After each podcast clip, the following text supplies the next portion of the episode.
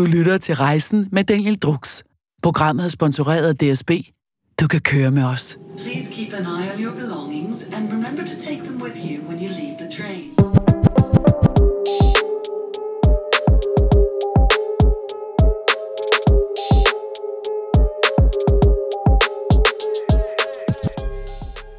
Hola alle sammen. Øh, tak for den helt vildt gode feedback på LOC-interviewet. Det har været fantastisk at se alle de dejlige beskeder, og det har været meget grænseoverskridende for mig faktisk at fortælle lidt om, hvordan jeg har haft det i en periode, fordi jeg, jeg altid har holdt det meget inde. Øh, det er ikke altid alt, alle skal vide, selvom man er en meget offentlig person og meget på sociale medier, så er der stadig en masse ting, som hvis man lægger mærke til det i mange år, ser man ikke så meget om min familie og min kæreste og alle mulige andre ting, men så ser man alle mulige om mig og alt muligt andet. Så der er stadig en masse ting, jeg gemmer, så det var bare ret fedt at komme lidt ud med nogle ting, fordi jeg har taget rigtig godt imod det, og masser af mennesker, der har skrevet. Og jeg skal nok svare alle jer, der har skrevet, at I har samme problem med svimmelhed, som jeg har haft. Det vil jeg gerne fortælle jer om, hvordan jeg gjorde, og hvad jeg har gjort for at komme ud af det. Så øh, når jeg kommer hjem fra Spanien, så skal I nok øh, få nogle svar på Instagram, som er der, de fleste mennesker skriver for tiden. Øhm, jeg befinder vel lige nu i Spanien, i Cadiz. Det er et virkelig øh, smukt sted, øh, hvor jeg har taget en dag ud af min ferie for at skaffe det her meget eksklusive interview med en person, som jeg aldrig nogensinde har regnet med, at jeg skulle lave et interview med. Er en af de mest respekterede sportsjournalister, verden har set. Øh, det er den mest karismatiske og energifyldte chica, Luna Christoffi. det er hende, som alle fodboldfansene intet har imod. Øh, hvilket er meget interessant, fordi fodbold er meget med følelser. Og øh, kvinden, som verdensstjernerne kender på fornavn. Øh, så velkommen til. Tak. Eller, Ja, det er jo velkommen meget- til dig, det er vil jeg næsten faktisk- sige, ja, Daniel. Ja. Det er jo noget med, der går jo lidt rygter om, at jeg er den første journalist, der er blevet inviteret hjem hos Luna. ja, i hvert fald med mindre, jeg har selvfølgelig venner, der er journalister, Ja. men sådan mere på et professionelt plan. Ja, der er du den første. Og det er ikke fordi, at jeg ikke er blevet spurgt, om det kunne lade sig gøre. Men, Okay, så der det, det føler siger jeg faktisk mig- meget om dig. Det siger rigtig Det meget om føler dig. jeg mig så meget beæret.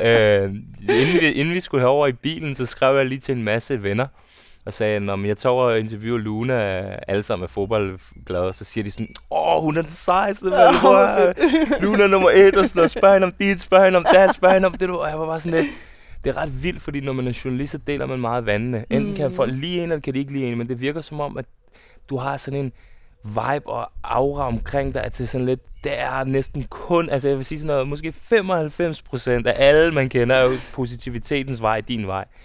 Hvad tror du, altså, at den succes for, den opskrift for den succes, du har kommet til med, med dit erhverv? Jeg tror også, jeg har fjender. Det, det er, slet, det er jeg ikke sekund i tvivl om. Jeg er rigtig god fortæller til... jeg dig bare. Ja, hvad din øh, er... Det, Jeg jo- kender alligevel mange mennesker. Ja, det gør jeg har aldrig hørt en person ikke sige noget positivt Nej. om dig.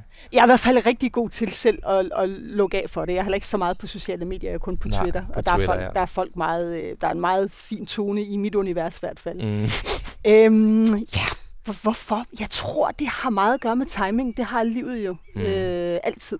Øh, og jeg kom ind i fodboldverdenen på det helt rigtige tidspunkt, og var øh, i kraft af en øh, chef, der virkelig var progressiv og stort tænkende, så blev jeg også plantet de rigtige steder på det rigtige tidspunkt, og sådan lidt pioneragtigt. Mm. Øhm, og det var, at jeg kom ind og lavede Champions League. Vi var nogle af de første, der lavede live på den måde, som vi, hvis ikke vi var de aller, aller første. Altså det der med at have en reporter på sidelinjen. Mm. Og, og så efter kampen sendte man den samme reporter ind bagved for at interviewe spillerne. Det var, da jeg startede med det i 98, var, det, øh, et, var der ikke ret mange, der gjorde det. I 98 meget godt over for VM også, var? Ja. Ja, det var, efter, det var så efter, ja. jeg startede på TV3, da, da TV3 fik fodboldrettigheden. Det gjorde de i oktober 98, ikke? Og kan du huske den tid, altså var, var, var det ikke meget grænseoverskridende? Jeg kan huske, da jeg skulle lave mit første interview, havde fået et blåt øje, øh, blev nødt til at tage solbriller på, skulle faktisk interview. Forestil dig, at mit første interview nogensinde er med Mhm. mit idol inden for musik. Ja. Nogle gange så starter man altså lige med at interviewe 3. division Ja, ja, og ja, anden, ja. og så, du ved, Ja. jeg startede med mit idol, første interview, blåt øje fra fodboldkamp, hvor jeg blev trådt i øjet. Solbriller på. Han har selvfølgelig også solbriller på, fordi ja. han er jo rapper Ja, ja, så det har man jo. fra New York. Og så, øh, og der kan jeg huske, ah, altså, jeg var nærmest ved at besvime, så nervøs jeg var. øh, og nu er jeg jo kommet til sådan et punkt, hvor jeg, det er nærmest, hvem end jeg kunne møde i dag, vil jeg faktisk ikke være starstruck. Men jeg var lidt med dig. Det Ej, var, da jeg- vi, men det var da vi mødtes til, til, Til julefrokost, men det tager vi på et andet tidspunkt. Men mit spørgsmål ligger mere på, øh, hvordan det var for dig. Ja, jeg fik faktisk en... For sådan du er autodidakt, jo. Ja, ja, det kan man godt sige. Altså, ja, både og. Øh, Jeg har ikke gået på journalisterskolen. Det var det eneste, man kunne dengang. øh, da jeg gerne ville være journalist, og den Mm. lå i Aarhus, og jeg boede i København. Mm. Og kunne slet ikke forestille mig at skulle tilbage. Jeg kommer godt nok fra Jylland, men, men på det tidspunkt, jeg tænkt meget over det lige nu her, hvor regeringen de flytter alle de der uddannelser ud. Ikke? Og jeg tænkte, gud, det var da godt, det ikke var i min tid. Ja. Øh, Fordi jeg havde boet i udlandet i to år, i store byer, og kom tilbage til Danmark. Og så er det altså, så, så, så Køben, selv København var lille. Ikke også? Mm. Mm. Så derfor fik jeg aldrig søgt ind på Journalisthøjskolen. Og så blev øh, jeg alligevel sådan pusset med, at du skal have en uddannelse, du skal have en uddannelse. Så tænkte jeg, jamen, så må jeg jo finde på noget i København. Og så Mm. begyndte jeg at læse sprog. Så jeg har en sproglig uddannelse. Men, øh, øh, og samtidig arbejdede jeg så på DBU, øh, og jeg arbejdede i informationsafdelingen, så mm. det var jo journalistisk. Mm. Og så blev jeg ringet op af DR, Claus Borg, legendariske Claus Borg, om jeg havde lyst til at lave DR. Mhm. Eller lave fodbold, eller lave sport over på DR. Og det, det helt klart handlede om, det var, at jeg havde været i fodboldverdenen i, Mhm. mm-hmm. i DBU så mange år. Så jeg havde en tyk, jeg var selv spillet, men jeg havde også en tyk telefonbog med Mhm. rigtig mange numre. Og de skulle til at lave et nyt fodboldprogram på DR, der Dengang Kik. kørte man telefonbog Ja, jo der kørte man fysisk. telefonbog. Jeg har den stadigvæk. Ej, Ja, ja. og det er samme nummer, de har ikke skiftet endnu. Nej, det ved jeg så ikke. Der er mange af dem, jeg ikke har ringet til. okay. Men i hvert fald så kom jeg så ind i DR, Mhm. mm-hmm. og der blev jeg jo så uddannet øh, med kurser, både på Journalisthøjskolen, men også internt i DR. Jeg havde nogle store lærermester, blandt andet Sten Bostrup, mm-hmm. som var nyhedsoplæser på TV-avisen. Okay. Ja, kæmpe inspiration. En, der hed Torben Kitaj. Alle øh, forskellige store, store journalister. Lasse Jensen Mhm. mm-hmm. øh, havde jeg kursus hos i to eller tre uger. Okay. Så på den måde kan man sige autodidakt, ja, men, men med journalistisk... Øh, Men Vejledning, er også hjælp, ikke? vejledning og nogle Ja. kurser. Det er sjovt, det du siger med kurser. mm, Fordi at jeg har tænkt godt over, at nogle gange skulle tage sådan noget som kurser, men jeg har virkelig ikke haft nogen, og de kurser, jeg har haft, har været menneskelige kurser. Ja. Man har lært af kæresten, eller lært af venner, som ligesom siger, hey, du er meget god i interviews og sådan noget, men når du er ude for kamera, skal du være lidt, lidt bedre. Og det er sjovt, fordi så kommer man ind i sådan et mode, jo. et mode, ja, det kan man godt. Øhm, Ej, men det jeg lærte, øh, en ting jeg var rigtig dårlig til, da jeg begyndte Mm. at lave tv, det var til at speake et indslag. Uh. Altså lægge stemme til. Og, øh, og jeg kom jo fra universitet, eller fra Handelshøjskolen, men det er jo også en universitetsuddannelse. Øh, og jeg kan huske, at da jeg så endelig fik en stemme, hvad hedder den, tal- en talepædagog Mhm. mm. koblet på, så sagde hun til mig, Lene hed hun, så sagde hun til mig, ved du hvad, siger hun, så nu går vi helt tilbage. Kan du huske dengang i skolen, hvor du skulle skrive, du skulle lave kryds og bolle Mhm. mm-hmm. og trekant?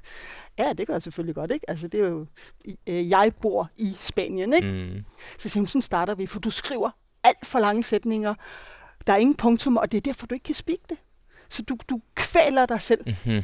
og du kan slet ikke slappe af i din mave. Nej. Så der, der fik jeg nogle teknikker, og det var så rigtig godt.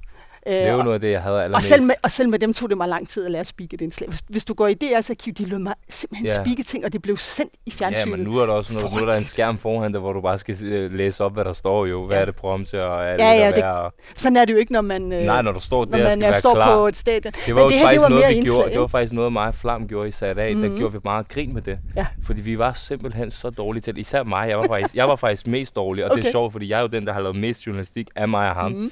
Mm. Men når det kom til at snakke til kamera og snakke noget, så, ja. Så alle vores introer var faktisk, hvor vi lavede lidt sj- sjov og grin Ja, med det. ja. Fordi at vi også synes, at når man stod foran kamera og skulle gøre det der, så Mhm. var man ikke sig selv. Nej. Men når man sad, ligesom vi gør nu her og Mhm. snakker, så er man Mhm. sig selv. Så er man sig selv, ja. Og den der ting med ikke at være sig selv i et interview, det er noget, folk hurtigt kan se, synes mm, jeg. Mm, Og det er noget af ja. det, jeg beundrer allermest ved dig, at det virker som om, og det tænker jeg nok også, at den samme ligesom person, man har her, som man har på, når du holder mikrofonen, mm. når du er Mm. her, når du er her, det er den samme. Mm. Mm. Og det kan folk virkelig godt mærke at se, og Ja, derfor det tror jeg, du føler de den samme autenticitet og Mm. ægthed omkring Mm. dig, og det er det, der gør dig så god, tror jeg. Øh, med at du er, holder dig selv, altså. Jeg har i hvert fald altid givet meget af mig selv. Ja. Så, så det der med, at man lærer nogle teknikker, det, det kan være nødvendigt for at blive dygtigere. Ikke? Øh, og det er også noget med at lære. Jeg meget, snakker meget hurtigt, og også i forhold til, at jeg er, er sønderjyd, så går det meget, meget stærkt. Det bliver jeg tit kritiseret for. Det er noget af det, jeg får rigtig meget skæld ud for. Jeg taler for hurtigt.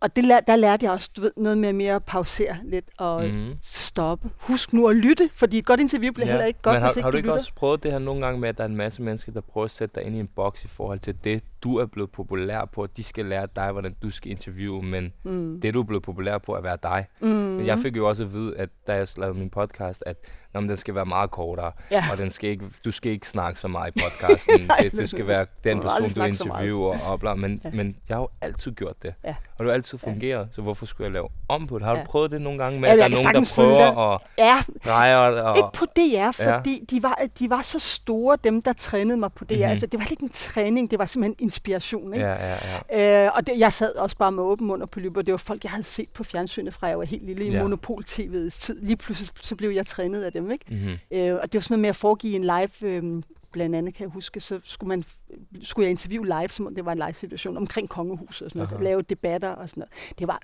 virkelig skægt. Og der fandt jeg ud af, det jeg fandt ud af, det var, det kunne jeg godt. Mm-hmm.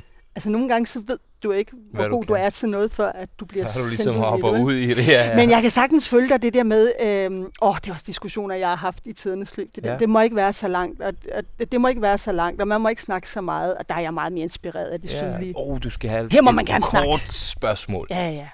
Du må ikke øh, lave spørgsmålet for langt. Ej. Men du, det, de ikke ved, dem der Ja. siger det, Mm. det er, at jo mere du giver dig selv Ja. i et interview og i et spørgsmål, Mm. jo mere får du igen.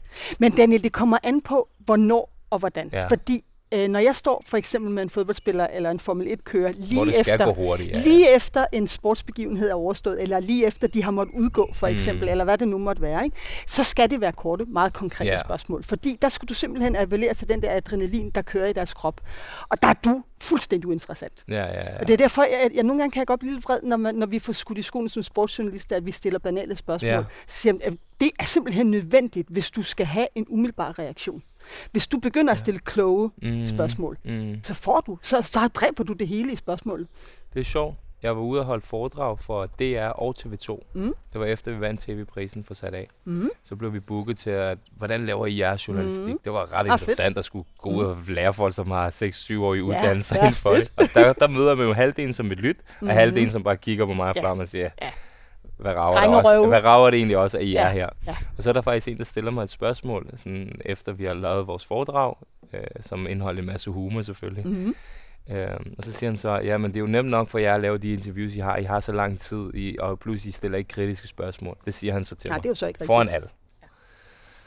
Så siger jeg så, hmm, Det er jo slet ikke okay, er rigtigt. det nu, vi skal sætte ham på plads? Ja. Så jeg, okay, fint nok. Det gør vi. Så siger jeg, okay. Så nævnte jeg tre øh, forskellige episoder i sat af, hvor vi er meget kritiske. Mm-hmm.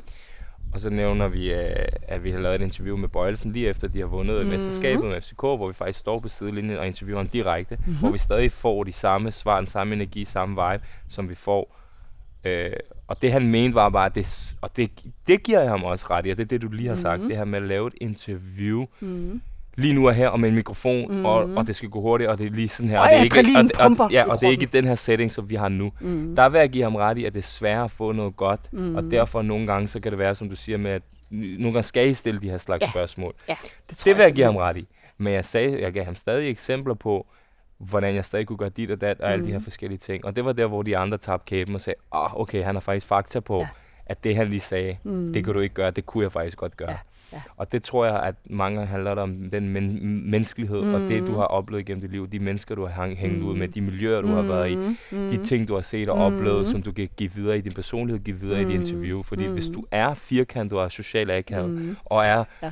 Øh, sådan helt, du ved, som vi Mm. siger på serbisk, strunjen, du ved ikke, det er sådan et ord, vi bruger rigtig meget. Det er ligesom, du blev Det ramt af et, ly- lyder er sønderjysk. ligesom, du blev ramt af et lyn, ligesom sådan der, ikke? Så det er jo klart, så er du ikke lavet til det Nej, så skal slags ikke, arbejde. nej, så er det ikke det, du skal. Ja. Men det er jeg helt enig med dig i. Altså, øhm, jeg, jeg tænker også nogle gange, så forveksler man lidt, hvad er kritisk journalistik ja. med, at det skal være aggressivt. Det har jeg aldrig forstået. Nej. Jeg hader aggressive interviewer. Ja. Øh, fordi man kan sagtens tale pænt og være kritisk samtidig. Åh, oh, tak. Kan man sagtens. Tak. tak. Fordi, Men det handler om, at man skal jo lytte, øh, fordi hvis du, der er simpelthen for mange, der sidder og har sådan et, et forudindtaget billede af, hvordan, hvordan, et, kritisk, in, et, et kritisk interview det skal foregå. Mm. Ja, Mm-hmm. Og de ved allerede, hvad det næste spørgsmål er. Lige Ja. meget, hvad han svarer. Ja. Så er deres næste spørgsmål, Ja. det her. lige præcis. Og det kan jo en fodboldspiller, hvis vi tager en fodboldspiller, mm. kan jo godt mærke, at hey, mm. lytter du egentlig overhovedet til, Ja. hvad det er, jeg siger til dig Ja. lige nu? Ja, lige præcis. Eller vil du bare Lige stille præcis. dit næste spørgsmål? Ja.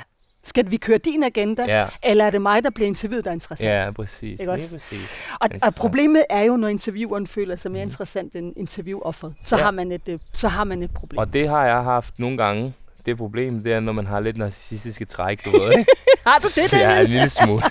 Så kan det godt være, men det er jo derfor, det er rart, at vi har fundet en ny interviewplatform, hvor at, øh, vi in, øh, klipper meget ud, og så tager vi de bedste ting med. Så jeg plejer jo at sige, at sat af var jo lavet på den måde, med 50% af det var rigtig dårligt, 25% af det var godt, Mm. og de sidste 25 var altså Toppen af poppen. Mega godt. Ja, Du- jeg har set dem. øh, Ja, jeg har set men det, du har ikke set råklippene. Nej, dem, nu arbejder vi jo samme Nej, sted, ikke? præcis, det kan være, det det, kan vi finde dem.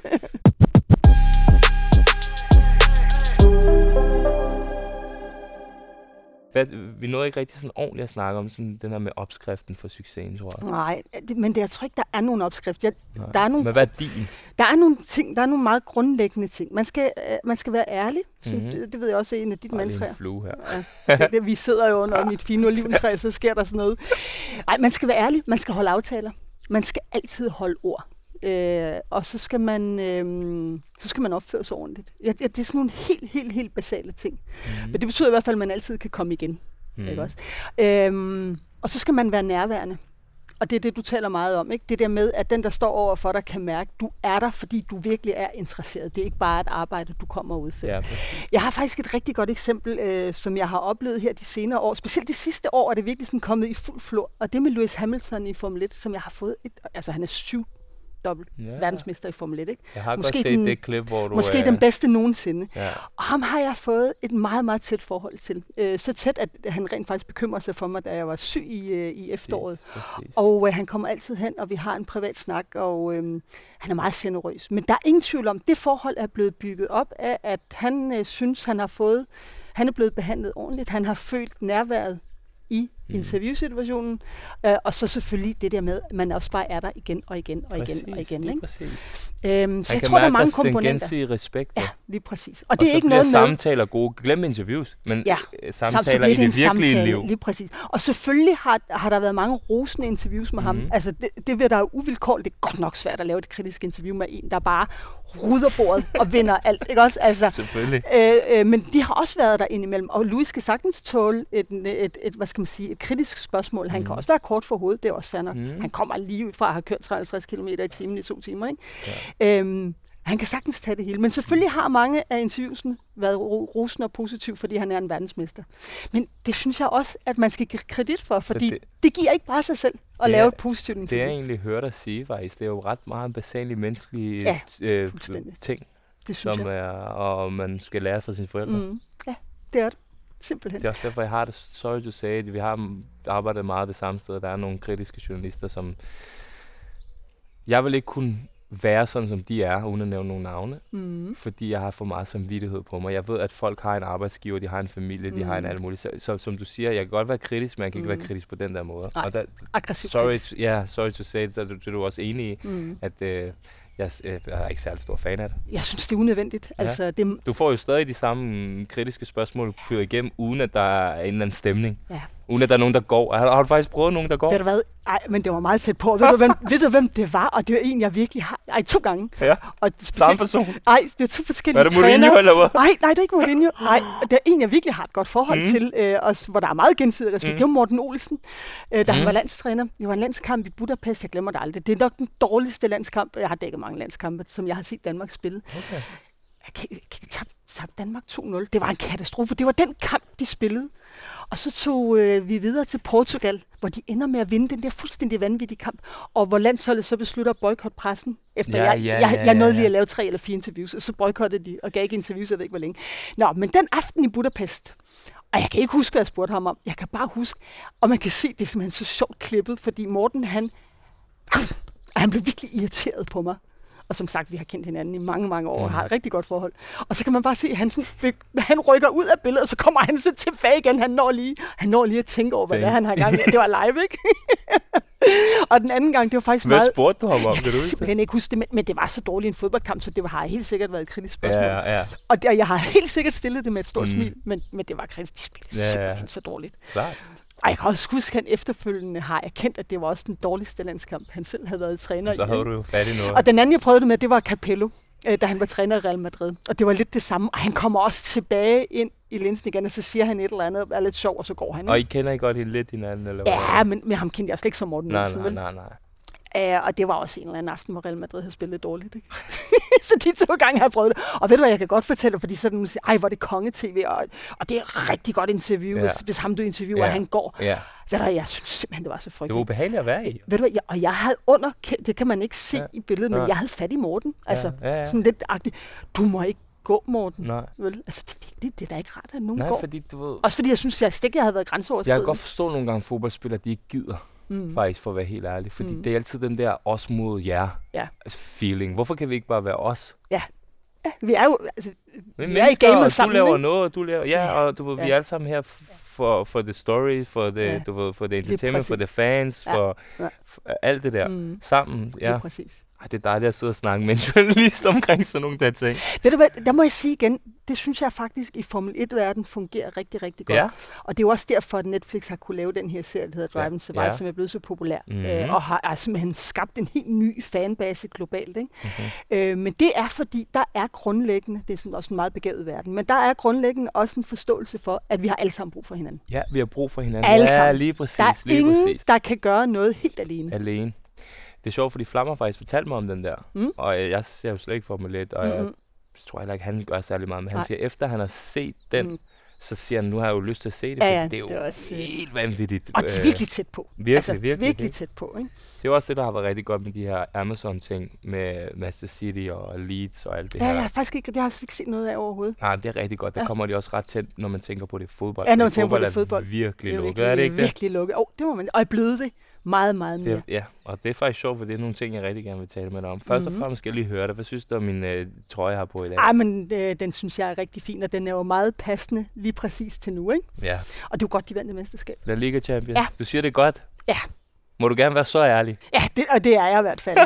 det, var, det var godt for ligaen, og, og, altså, og jeg elsker spansk fodbold. Ja. Der er så meget kvalitet i spansk Mhm. mm-hmm. fodbold, men det er et problem, og det er det også her, men også for folk, der ser det udefra, Mhm. mm. at det altid forbindes med to klubber Ja. alene.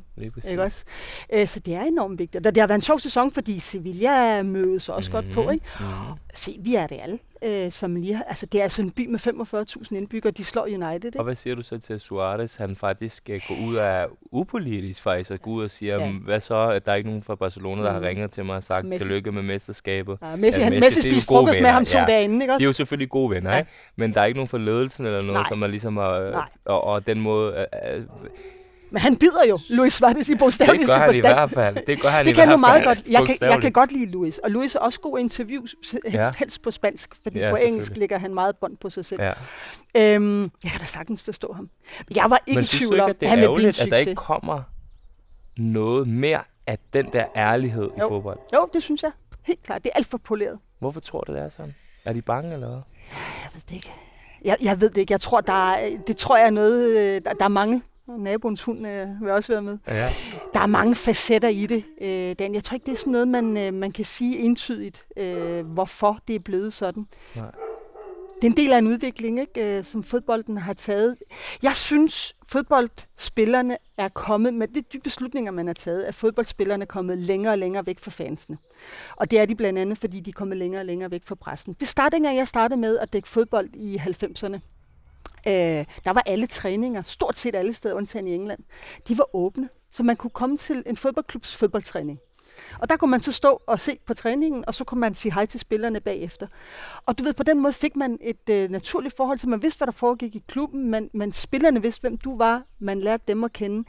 Øh, der var en, en, man kunne høre, hvad de sagde til hinanden på træningsbanen, lidt ligesom vi har kunnet nu, mm. fordi der ikke har været publikum. Mm. Øh, jeg kan huske, da jeg flyttede til Spanien i 99, så kom ud på Real Madrids anlæg, der lå på Castellana. Ikke? Øh, så gik vi journalister, når træningen var slut. Den eneste dag, vi ikke måtte øh, filme og være der, det var dagen før en kamp. Der var der lukket. Ikke? Men vi måtte gerne vinde nede på parkeringsplads. Så gik vi rundt mellem øh, Porsche og Ferrari og, og Lamborghini ikke? og ventede. Mm. Og du ved, så sagde man lige hej og sådan, hej Roberto Carlos, Øh, hey, kan vi lave et interview om 14 dage? Øh, Vil det passe godt forud Udenom for kampen? Ja, så siger jeg, Roberto, det er fint, skriv lige til, Okay. øh, til Joaquin, Ja, ja, der var preschef dengang, ikke? eller Marta. Ikke? Ja. Ja, det er fint med mig. Men sådan, sådan, sådan, sådan nogle aftaler lavede man simpelthen. Og det var der, hvor du så skulle vise, at uh, du holder dit ord, han holder sit ord, Ja. og så bygger man det der Og relationship. så bygger man simpelthen, man, man får simpelthen bygget et forhold op på den måde. Altså, øh, jeg kan huske med Ronaldo, den rigtige Ronaldo, som jeg kalder ham, brasilianske Ronaldo. Det er den rigtige, det kan jeg godt det love er dig den for. rigtige, det er det. øh, der, der fik jeg jo et sådan forhold til ham, at øh, på, han, havde, han havde en hård tid i øh, Real Madrid. Mm. Der er nogle, øh, en, en lang periode, hvor han simpelthen blev piftet ud på Bernabeu. Jeg husker navnlig den Champions League-kamp, hvor jeg stod nede bag målet sammen med min kameramand. Han bliver pift, altså det står 75 tusind mennesker og pifter ham ud, og han er på hjemmebane. Mm. Og øh, han går ud sådan her. Jeg, jeg tror, der røg tår ud af øjnene på ham. Øh, det kan man så ikke se på kameraet. Der var ellers close-up og det hele, ikke også? Øh, dagen efter meddeler han kollektivt, at han ikke stiller op til nogen som helst medieaktiviteter længere. Det er simpelthen slut. Han følte sig simpelthen så dårligt behandlet af fansene, men også af de medier, der formidlede den her virkelig hadske stemning, der var mm. hos hans egne fans. Mm. Øhm, Ronaldo havde jeg tit snakket med ham, der passede på Ronaldo. Det er en, der hedder David Espinat, som er gammel journalist, eller gammel tidligere journalist i Barcelona, øh, som stadigvæk er sammen med Ronaldo, fordi det her det er jo mange, mange år siden. Og jeg snakker meget med David, og så siger, ringer David til mig, og så siger han, ved du hvad, Ronaldo, øh, det var så en måned efter, jeg kan ikke huske for langt, måske en måned, halvandet, jeg kan ikke huske det.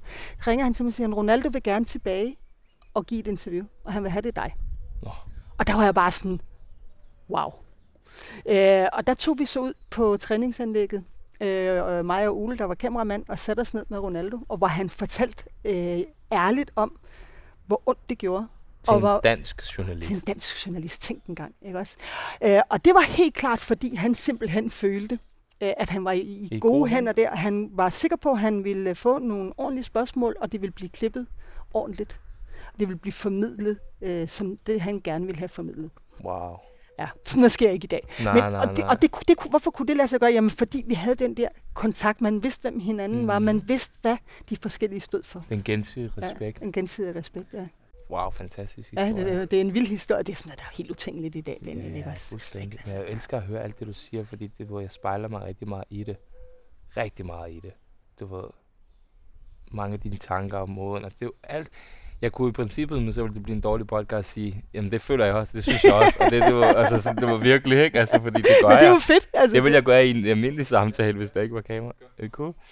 Um, okay, så Ronaldo, den ægte Ronaldo, trækker sig fra pressen, og så siger han til lige pludselig, jeg vil gerne lave noget, jeg vil gerne komme ud med en rigtig historie, jeg vil gerne fortælle, hvordan jeg har det, men det skal være igennem en dansk journalist. Ja. Det var ret vildt. Det er ikke sådan noget, som du siger, det kommer ikke til at ske. Nej, det noget skal slet ikke ske i dag. Vel? Nej, det sker slet ikke i dag. Nej. Så skal der i hvert fald være en helt klokkeklar Mhm. agenda, ikke også? Men det, nej, det sker ikke. Altså, det, det gør det ikke. Hvad hedder det? Kan du huske første gang, vi mødtes? Det var til en julefrokost. Det var Ikke? til julefrokost. Ja. Der kommer du over, og så siger du, og jeg var sådan helt, jeg har aldrig mødt dig før, jeg har set op til dig i mit liv nærmest, siden jeg var lille knægt, og var sådan lidt, det er jo meget, nogle gange siger man jo, at man ikke skal møde sine idoler. Du, ved, Det skal man. Det, og så kommer du over til mig. Det, var- jeg nåede ikke engang at sige hej. og Jeg vidste ikke engang, om du vidste, fordi jeg vidste, du bor i Spanien. Jeg vidste ikke, om du Mhm. vidste, om hvad vi overhovedet lavede. Ej, jeg havde tænkte, set det jeg tænkte, du var ikke sociale medier. Vidste du overhovedet noget omkring noget? Og så kom du over, og så var du sådan, det er for fedt, det I laver, ja. dreng. Det er så forfriskende. I skal bare blive ved med at være jer selv. Yes. Det var det, du sagde til mig. Ja. Og det viser jo for mig en person, som virkelig har et rigtig godt overskud. Jeg sagde også til dig, nogle gange forstår jeg godt nok ikke, hvad I siger. Nå, det, det, er, det er også rigtigt nok, men vi kan også sætte lidt godt Ej, men, dansk. men det var en super fed energi. Men det var lige så meget Ja, det der ja, slang. slang, ja, ja, jeg præcis. med, med, I lavede det der med Sanka, ikke? Også, Ja, Jeg, ja. var sådan, jeg skulle virkelig... Virkelig, ja, ja, men præcis, men det er sjovt, fordi at faktisk ikke, vi har ikke fået lige så meget skæld ud, som vi troede, vi ville få, men så siger jeg jo også altid bare til folk sådan lidt, men der var jo heller ikke særlig mange, der skældte Kim Larsen ud for at snakke, som han gjorde. Nej, lige altså, præcis. han, det var også meget, øh, vi bruger jo bare lidt mere udlandske ord, han brugte lidt mere sin egen Ja. opfindede meget danske, opfund, du ved, opfundet og, over. Ja, lige præcis. præcis, og det er jo bare, jeg tror, at folk, der bruger meget slang og alt det der ting, det er, fordi de hurtigt keder sig. Det tror jeg også. Øh, jeg fik jo vildt dårlige øh, årskarakterer i dansk, men i mundtlig dansk til eksamenerne Ja, der, fik jeg jo altid 12. Ja. altså det er jo 13 så, ikke? Ja, ja, 12, 13. 13. Det er Ja, jo ja, ja. højeste karakter. Ja. Så øh, jeg tror, at... men det øh, var nemlig forfriskende sat ja. af, ikke også? Øh, det var noget helt, helt andet, og det var sjovt.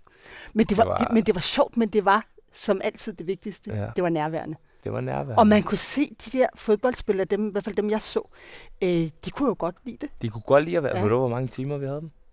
Nej, meget lidt. Otte. Havde det? Altså, det var helt uhørt. Det er det, jeg mener. Ja, det er jo helt Forestil dig, hvis du fik lov at lave med en eller anden i 8 timer. Du Ja, ville jo kunne ja. lave det... Men det er klart, det er jo så danske spillere. Ja, ja, klart. Men, men det var alligevel- personlige relationer. Ja. Ja. Det var jo godt, ingen af interviewsene, øh, jeg tror faktisk næsten ingen, jeg tror faktisk næsten ingen af interviewsene øh, blev skaffet af TV3 selv. Øh, Nej. og det er ikke noget ondt om det, Nej, men, nej, men nej, det var men jo det også var en del jeres- af, det var ja. også en del af kontrakten og setup'et, at, at vi ligesom skulle gøre Ja. ja. det. Og der er, som, som du siger, jeg, tror jeg bare må, måske, at man har mødt folk gennem tiderne, du ved, i bymiljøet eller i København, eller, Ja, eller ja, og så ja, ja. snakker den ene godt om den anden og den Ja. ja. tredje, og så siger jeg, "Men jeg har lige lavet det her sat af. Ja. Jamen, det synes jeg, du skulle gøre. Det er faktisk ret rart at være med i. Ja. S- og så går det hurtigt. Klart. Øh, det, som det, du det, siger, er det man- mund-metoden, som man siger. I Gladiator, hvor han siger, the only thing you have is your name. Ja. If they kill your name, you, you don't have Det anything. er Russell Crowe, ja. Ja, ja, altså, og det er jo i vores branche, tænker jeg, at Mm. hvis du fucker op en gang, Ja. og en hæftig en, Det, det, det, så er du frossen. det, det går hurtigt det videre, ja. Så er du frosset ud, Ja. ikke? Men jeg vil sige, da jeg startede på DR, det Mhm. gjorde jeg så i øh, 95 eller 96, øhm, der havde jeg fordi jeg så havde været i DBU i otte år, Mhm. og jeg havde rigtig meget med øh, landsholdsspillerne at gøre. Og mange af dem fra, de var helt, helt unge. Altså jeg kan huske, at jeg næsten holdt Jesper Grønkær i, øh, i hånden på hans allerførste landsholdstur. Ikke? Og det er klart, øh, og Jon Dahl og alle mulige, David Nielsen osv., dem kendte jeg fra, de startede som 14-årige. Ja. Og så op i undervejs. Ikke? Så da jeg kom ind på DR, øh, så kunne jeg jo godt ringe til øh, for eksempel Michael Schönberg. Jeg kan huske, han spillede. Sådan, Michael, øh, kan vi ikke komme ned og møde dig, og så følge dig en dag? Mm. Det kunne godt lade sig gøre. Eller Thomas Krausen kan jeg huske, vi lavede med i Hamburg. Vi var hjemme hos Ja, ham ja, ja, Ikke? ja. Men, Men, så bliver du lige pludselig... Ja, men det var men det, det var da også fordi, at de, havde, de kendte mig jo. Ja, præcis. Altså indenfra. Jeg var sad Indenfra, med lige til middagen efter landskampen, og jeg vidste en masse ting, Ja, og som jeg jo aldrig havde misbrugt. præcis. Og der er vi bare tilbage ved det samme igen og igen og igen. Ikke? Og men det, i hvert fald kan jeg huske der, hvor vi mødte hinanden, og der, det, det var det der, der viste mig, det viste mig et rigtig godt overskud og en ikke-dansk mentalite- mentalitet, fordi vi har jo, vi er jo ikke ligefrem verdens bedste til at rose hinanden i Danmark. Nej, det kan vi godt glemme nogle gange, desværre. Altså, det er vi Vi er virkelig til gengæld til. meget, meget, meget hurtige på aftrækkeren. Vi er hurtige på når, når vi har når den anden når vej. vi har noget kritisk, vi gerne vil have Præcis, sagt. og, og der, der for mig, sådan, det viser også en form for rigtig stor selvtillid. Mm. Hvor tror du, den kommer fra? Fordi at hvis du skal ud som Mm. kvinde i en mandsdomineret verden, Mm. og komme ud og gøre det, du gør, har gjort Mm. i så mange år, og være så consistent, som du har, Mm. så må der jo komme noget selvtillid og nogle, noget selvværd nogle steder Ja. fra, som... Men det er også noget generøsitet, øh, generøsitet tror jeg. Ja. Ikke også? Og, det, og der vil jeg så sige, der tror jeg bare, at jeg giver tilbage det, jeg selv har fået. Altså, jeg har været så privilegeret Mm. at, øh, at opleve rigtig meget generøsitet. Folk Mm. har virkelig været øh, søde, fra jeg startede. Ja. Øh, og øh, jeg har haft rigtig mange mennesker omkring mig, der har øh, rost øh, og været positive, og det, har, det, det bygger jo en op. Ja. Ikke også? Så jeg tror egentlig, det er en generøsitet, man så bærer med sig, Mm-hmm. og så øh, Men kan glædestrålene du giver huske videre. dit første interview, og var du Ja. nervøs og sådan noget? Mit allerførste interview, det var, så, det var faktisk ikke professionelt, men det endte med at komme på DR. Jeg Okay. tog sammen med Jens Højbjerg, min rigtig, rigtig gode ven, som er journalist, meget, meget dygtig journalist. Vi tog til Cuba på ferie. Nå. Og så havde han lavet, øh, det var ikke så lang tid før et OL. Det var, det var året inden, det var i øh, december 95, hvor der var OL i 96. Mm. Passer det ikke, der var OL i 96? Jo. Gør det ikke? Nej. Jo, det var der. Jo, det var der. Jeg er ikke så god til årstal. Ej, men du det kan var se, der. at jeg bare siger ja. Ja, ja, og det var der. Nå, men i hvert fald så var vi på Cuba, øh, og det var meget specielt at være på Cuba dengang. Øh, det var ikke som det er nu. Øh, Og og det er farligt måske. Nej, det var det ikke, men, men det, var, det var meget stringent. Nå, Ja. men anyway, øh, så skulle der i hvert fald være OL. Så Jens han havde lavet en aftale med DR om, at hvis han kunne lave interview med nogle af de store OL-stjerner, som Cuba havde, blandt andet en højdespringer, Sotomayor, og en 800 meter løber, Anna Fidelia Quiro, en bokser, der hed Savon, en Ja. øh, sværvægtsbokser, helt øh, enestående. Jeg mener, han vandt OL fire gange. De har, Cuba har nogle rigtig store øh, personligheder, Mm. som stadigvæk bor på Cuba. Altså, de var ikke smuttet til Miami, ja. vel? Øh, hvis han kunne få fingre i dem, så ville DR gerne give penge for det. Okay. Og vi fik fingre i både Ana Fidelia Quero og i Sotomayor. Og det var det første, du skulle lave. Og det var så mig, der lavede det, fordi Jens kan ikke spansk. Og de kan kun tale spansk. Og du har kunnet tale spansk i ja, hvor mange år? Øh, ja, det kunne jeg i hvert fald der, fordi der havde jeg jo så boet i Spanien i min helt grønne ungdom øh, Ja. efter gymnasiet i, i, i to år. Ikke? Okay. Og på det her tidspunkt øh, læste jeg vel på nu, der læste jeg spansk. Og så oversættede I det så efter. Så lavede vi, og Jens havde så kamera med. Øh, sådan lidt intimistisk, men det blev super kvalitet. Og der fik vi rigtig meget tid. Anna Fidelia gjorde hende fange vi ude på træningsbanen. Okay. Og hun er en fascinerende historie. Lang, lang privat historie. Mm. Øhm, hun, havde en, hun havde en affære med ham der, Sotomayor, som var gift. Øh, og, og, og han øh, går det så forbi, og så prøver hun faktisk at tage livet af sig selv ved at lave sådan en gaseksplosion i køkkenet. Så hele hendes, øh, hendes ansigt er vandsiret. Øh, men en enestående kvinde. Og det var, det var meget bevægende og, øh, og så møde hende, og hun sagde ja til interviewet, og jeg havde rigtig, rigtig lang tid med hende. Og jeg kan huske, Jens skældte mig eller ærehader for, fordi jeg havde meget langt hår dengang. Ja. Og øh, det, det, som jeg jo altid, jeg er meget urolig. Og det der hår, det røg ind foran linsen Ja, hele tiden. Ikke? Du ved, sådan, øh, undervejs, der bliver jeg bare skubbet til det. Jeg, jeg fattede ikke noget som helst, vel jeg var slet ikke vant til at interview. Men, men kunne du huske altså sådan, dine følelser omkring det? Og Ja, jeg var nervøs. Jeg var meget nervøsiteten Og... Jeg var meget, ved du hvad der var godt? Det var, at øh, jeg er ikke, så, stor, jeg er ikke så, så kendt på atletik. Nej. Så jeg var ikke helt klar over før, at jeg sad midt i det, hvor store de rent faktisk var. Ah. Ja, Men er det det, var meget også godt. nogle gange, nogle gange at interviewe noget, som man ikke ved så meget om, er også rart nogle gange, fordi så er du meget nysgerrig. Ja, og det blev, og det blev meget, øh, kan man sige, det blev selvfølgelig lidt mere overordnet, men der kom også nogle, du ved, nogle menneskelige ting, og det Ja. blev sådan også meget det med Cuba, ikke, som jeg var meget, præcis, præcis. jeg var meget optaget af Cuba dengang. Ja, ja, præcis. Og af Fidel Castro og øh, det kommunistiske system og alle dem, der flyttede til Miami og sådan noget. Så det- det var, det var også interessant for mig. Aha. Så det gik også meget, det stak meget den vej. Så i virkeligheden så sad jeg også og Og spurgte om snakke ting, som jeg gerne ville vide. Og vide selv. sådan ja. personligt. Ja, Ja. og det er også der, det bliver bedst. Og Jens, øh, han vil gerne styre tingene, men det sjove var jo, at fordi han ikke kan spansk, så kunne han ikke rigtig blande sig, vel? Han havde ellers siddet om morgenmaden, og så skal, og så, Ja, så nu går du vi lige det, igennem. skal du du skal spørge om bum, bum, ja, ja, bum, lad bum. mig nu bare være. Ja, Og det ja. var, jeg tror, det var, der kickstartede, Si, si, si, du, si. der kickstartede du jo ligesom din karriere jo. Ja, det gjorde jeg faktisk. Det wow. gjorde jeg faktisk, fordi der fik jeg... Øhm, jeg kan huske, at vi kom hjem fra turen, der havde det sådan... Da jeg så det på DR, Mm. indslaget, Mm. færdigklippet, der fik jeg sådan, wow, har jeg lavet det? Var du stolt? Jeg var simpelthen så stolt af. Ja. Har jeg lavet det? Jeg, var- du ved, det var sådan noget med at ringe til familie og venner og sige, I skal se DR så på, yeah. På søndag kl. 21.12, der, der kommer et interview, Mm, jeg har ja, lavet. ja, præcis. Ikke også? Altså, det er sådan, man, og jeg, var, jeg tror slet ikke, jeg var i billedet. Øh, Det var bare min stemme. Okay, Og, okay. og det var min stemme måske i 10 sekunder. Det var sjovt, der var taget det med, spørgsmål med med, stemme, ikke ikke? En af mine venner i Snapchat-gruppen, så skriver jeg, skal interviewe Luna, så skriver han bare, altså, så har I nogle spørgsmål, så siger han, ja, spørg lige, hvor, altså, hvordan man kan have så kraftig en god stemme. Hun er jo skabt, som han skrev, ikke? Hun er jo skabt til at lave interviews, og det er jo sådan en ung knæ, han er jo 22 år. Okay, Okay, og han, er, vildt. han er 22. Nå, vildt. Og han skriver, spørg hende lige, hvorfor hun har den her kraftige stemme. Det er jo, når, når du kommer på, det er ligesom når Grønborg, altså når Grønborg snakker, så ved du, Champions League er i Det, gang. det er fordi, vi begge to har boet i Spanien. Hernede, Ah. hvis ikke du taler kraftigt kraft. og også hurtigt, Ja. så kommer du aldrig nogensinde igennem lydmuren. det er simpelthen nødvendigt. Det lærer Ja, man det i er Spanien. derfor, de godt kan lide mig hernede jo. ja, I Danmark så får jeg for at vide, at jeg skal holde min kæft, og jeg har for meget og alt muligt. I Spanien så siger det, oh, we love this guy. De siger, Dani, øh, Det introducito." queremos.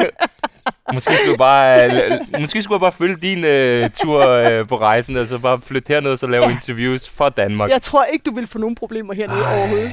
Det har jeg aldrig haft. Jeg har faktisk været rigtig mange steder i Spanien. Ja. Jeg har været i Vigo, i Sevilla, Mhm. i Valencia, i Fuerteventura, Barcelona, Madrid. Første gang i Cardis. Første gang i Cardis, og jeg elsker det allerede. Jeg har kun været her i, i en halvanden time, tror Ja, jeg. det er også skønt her. Nå, Luna. Mhm. Det er jo et rigtig langt interview, vi skal igennem en masse ting, og Mhm. det, det, det er jo allerede, at vi er sprunget over nogle ting, og lidt af Ja, hver, fordi det vi er som... jo. Nej, nej, Du ja, præcis, præcis, men jeg, har, jeg vil ikke stoppe dig i, at når noget kommer fra hjertet, er dejligt. Hvad hedder det? Man ser det jo typisk foran kameraerne, Mhm. ligesom nu. Ja. Men øh, hvad består egentlig dit arbejde af, når du ikke er foran kameraerne? Fordi at når man hører sådan, når Luna bor i Spanien, hun arbejder for Nent og laver nogle interviews, så tænker man, åh, luksusliv, hvad laver du så, når du ikke laver interviews? Der er jo ikke Champions League hver dag, og der er ikke øh, Formel 1 hver dag. Ah, næsten. Der er næsten Nej, Formel nej, 1 okay, men, men, men, men mere sådan, er øh, du kan godt, kan du ikke selv se, du, Jo, hvis jo. folk udefra, og, og der, der ved jeg det ikke, og Nej. derfor spørger jeg faktisk helt ærligt. Men jeg har da også et, jeg, altså, jeg har da et voldsomt privilegeret arbejdsliv. Ja. Øh, der går meget tid, specielt vil jeg sige, i de første mange år, hvor man stadigvæk er i sådan en opbygningsfase Ja. ja. med at holde sig orienteret. Ikke? Så jeg bruger rigtig meget Research. tid på at læse. Ja. Det, det, det er simpelthen den der... Øh, jeg køber stadigvæk aviser, Ja. øhm, og jeg følger også alt muligt på nettet. Ikke? Mm, Øh, og, og jeg synes faktisk, at nu er øh, informationsstrømmen, den er så stor, mm, at det er næsten umuligt nu om stunder. Ikke? aha, Øh, og problemet er jo for eksempel i fodboldverdenen, det er, at der er så mange fans, mm, på grund af den her informationsstrøm, den Ja. tilgængelighed, der ved mere, end man, man gør som journalist. Ikke? Ja. Og fordi man så ikke har den der platform til daglig, hvor man mm. kan gå ud til træningerne og sådan noget, øh, det gør det faktisk øh, vanskeligere.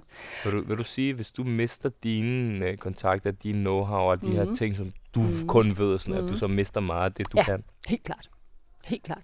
Og det kan jeg mærke forskellen. Det er den udvikling, jeg har været igennem i fodboldverdenen de sidste år, hvor der er, hvor kontakten er mindre. Mm, Øh, og hvis ikke man laver de samme hold hele tiden, så står du heller ikke og interviewer de samme. mm, Jeg kunne mærke det, når jeg møder de gamle drenge. Altså, det var virkelig sådan, åh, hvad er det fedt, ikke? Altså, jeg mødte her, Ra- Raul González Blanco her for nylig, Mm. ikke? Og så han kommer hen, og, og Luna og Ken Kys og sådan noget, ikke? Altså, i Real Madrid-stab i dag, der er, altså, spillerne, der er måske tre eller fire, der ved, Sergio Ramos ved, hvem jeg er, hvad jeg hedder, Ja, ikke også? Det er de gamle, Kroos og Modric, fordi jeg har interviewet dem så Ja. meget. Men, men og måske man, det. Ja, Zidane gør også. Men, Ja, selvfølgelig. men med, det, med den nye generation, der kommer, der kan jeg mærke, det er virkelig svært ja. at komme ind under huden på dem. Ikke? I Formel 1, der går vi op og ned af hinanden. Mm. Og der bliver man virkelig dus. Men Ja. der er vi jo også sammen fire, hver gang der er løbsweekend, som vi kalder mm. det, der er vi sammen torsdag, fredag, Men lørdag jeg tror også, at der er nogle andre menneskelige, altså personligheder i Formel 1, der fodbold og sådan noget. Det, jeg ved ikke hvorfor, men Så det er en tror jeg enkeltmandssport. bare. Det er en enkeltmandssport. Det skal gør man sikkert nok, også øh, rigtig meget. Ja, jeg lavede tennis, kan jeg huske, et år, øh, hvor jeg lavede Wimbledon. Mm. Det var, det var Interviewede du nogensinde min, øh, min fætter Djokovic? Nej, Ej, det lykkedes ikke. Helvede, er det din fætter? Nej, det er det ikke, men det er... det kunne det have været. Ja. Jeg, der er der tre idoler. Øh, Jeg har ham, jeg interviewede som mit første interview. Ja. Så har jeg Fernando Torres. Fernando Torres, ja, Tror du, jeg har selvfølgelig. mødt ham? Ja, selvfølgelig har du det. Selvfølgelig har Og jeg han, det. er, han er en sød fyr. Han er, sympatisk. han er en bravo fyr, som jeg siger. sympatisk, Han er så på sympatisk. jorden.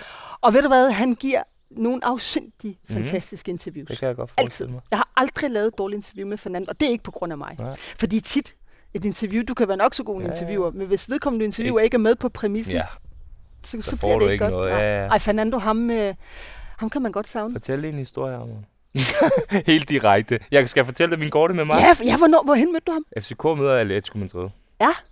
Øh, jeg I har en, Europa League, ikke? Ja, Ja. jeg har en inden fra FCK, som, som ved, at jeg er kæmpe Atletico-fan og kæmpe Fernando Torres-fan. Jeg har været fan af Fernando Torres siden han var 17 år. Ja. Det vil sige, det er rigtig mange år. Hvor han, så, hvor jeg han debuterede i Atletico. Præcis. Ja. så jeg har faktisk været fan af Atletico i rigtig Mm. mange år. Blev du Atletico-fan på grund af Fernando? Det var faktisk en blanding af Radomir Andic, Ja, som, var, ja, som selvfølgelig. var træner Ham, for har, ham, både... kender, ham kender jeg jo. Kender du ham? Ja, ja, ham har interviewet. Han var også i Barcelona. Ja. Ja, så der kan du se, hvem kender du ikke? Meget sympatisk mand. Ja, serber Også en, der... Serber, de er meget... Øh, du, Ja, det ved du godt, Det var hvordan meget, det er. straight, meget straightforward. Ja, dejlig mand. Ja, øh, så øh, Radomir Andic fik jeg lidt fortalt om omkring min far. Han har vundet det dobbelt med Atletico, Mm-hmm. og han har også været træner i både Real Madrid og Barcelona, så en stor serbisk træner. Mm, Og absolut. så øh, spillede jeg en masse championship manager af Mhm. det der spil, og så Mhm. fandt jeg så Fernando Torres. Okay. For eksempel fandt jeg også Robin og Iniesta og alt Mhm. muligt scout dem, før nogen vidste, hvem de var. Okay. I spillet var meget realistisk spil. Ja, okay. Øh, er det det der FIFA, eller? Nej, nej. Nej, det var noget FIFA er, hvor du faktisk spiller mod hinanden, og Championship Manager, der er du træner. Okay, og på den måde. Ja, Så du træner et hold, Ja. og så køber du spillere og Mhm. scouter og sådan noget. okay. Så det er meget mere detaljeret. Ja. Der, der ser du dem bare spille. Det er ikke dig, der styrer, hvad de gør. Nej, okay. Du er bare træner. Okay. Nå, Og så tænkte jeg ham der den Torres, som blev ved med at score mål for mig. Ja. Og jeg havde ikke rigtig sådan hold, jeg rigtig holdt med på Mhm. den måde. Og så tænkte jeg, okay, jeg har altid været sådan en, som ikke holder med går i det tøj, som andre går i, lytter til det musik, folk lytter til. Jeg har altid været sådan outlaw, Ja. altså jeg har altid ja. gjort det din modsatte. egen, din egen herre. Ja. Fuldstændig. godt vel lyder lidt kliché, men og så Mm, tænker jeg, okay, hvis det er ved, sådan, så er det Nå, men long story short, bare lige hurtigt. Det er en meget fed historie for folk. Der er jo mange, der er fan af Fernando Torres. Ja, det Især jeg også godt hans. Liverpool-tid og sådan noget. Lige præcis. Og så får jeg så lov til faktisk at komme ind på sådan en pressekort, sidder to meter væk fra Simeone, som er jo min største idol, når det, i nyere tid også, ikke? Du, Han kunne godt være serber. Wow, ja, det kunne han kraftedeme godt. Det kunne han virkelig godt. Og så, øh, når man, så får jeg så at vide, at øh, lige om lidt skal de ned og træne, Mm-hmm. og så siger ham min kontakt inden for FCK, Mm-hmm. øh, som jeg vil ja, takke ham for, for, For tid og for livet. Ikke? Ja. Siger han, stil dig her, Daniel, ved siden af fotograferne. Så siger han, og så bare har de pressekort, og så kommer spillerne så til at komme Ja. gående forbi. Ja.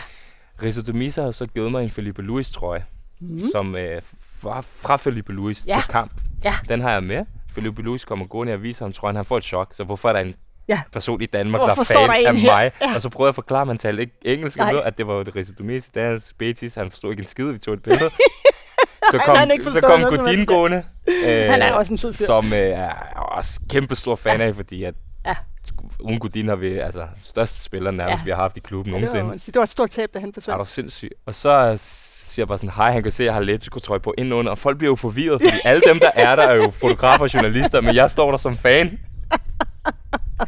og så kommer Chris Mang gående, og ham kigger jeg slet ikke på, for ham havde jeg.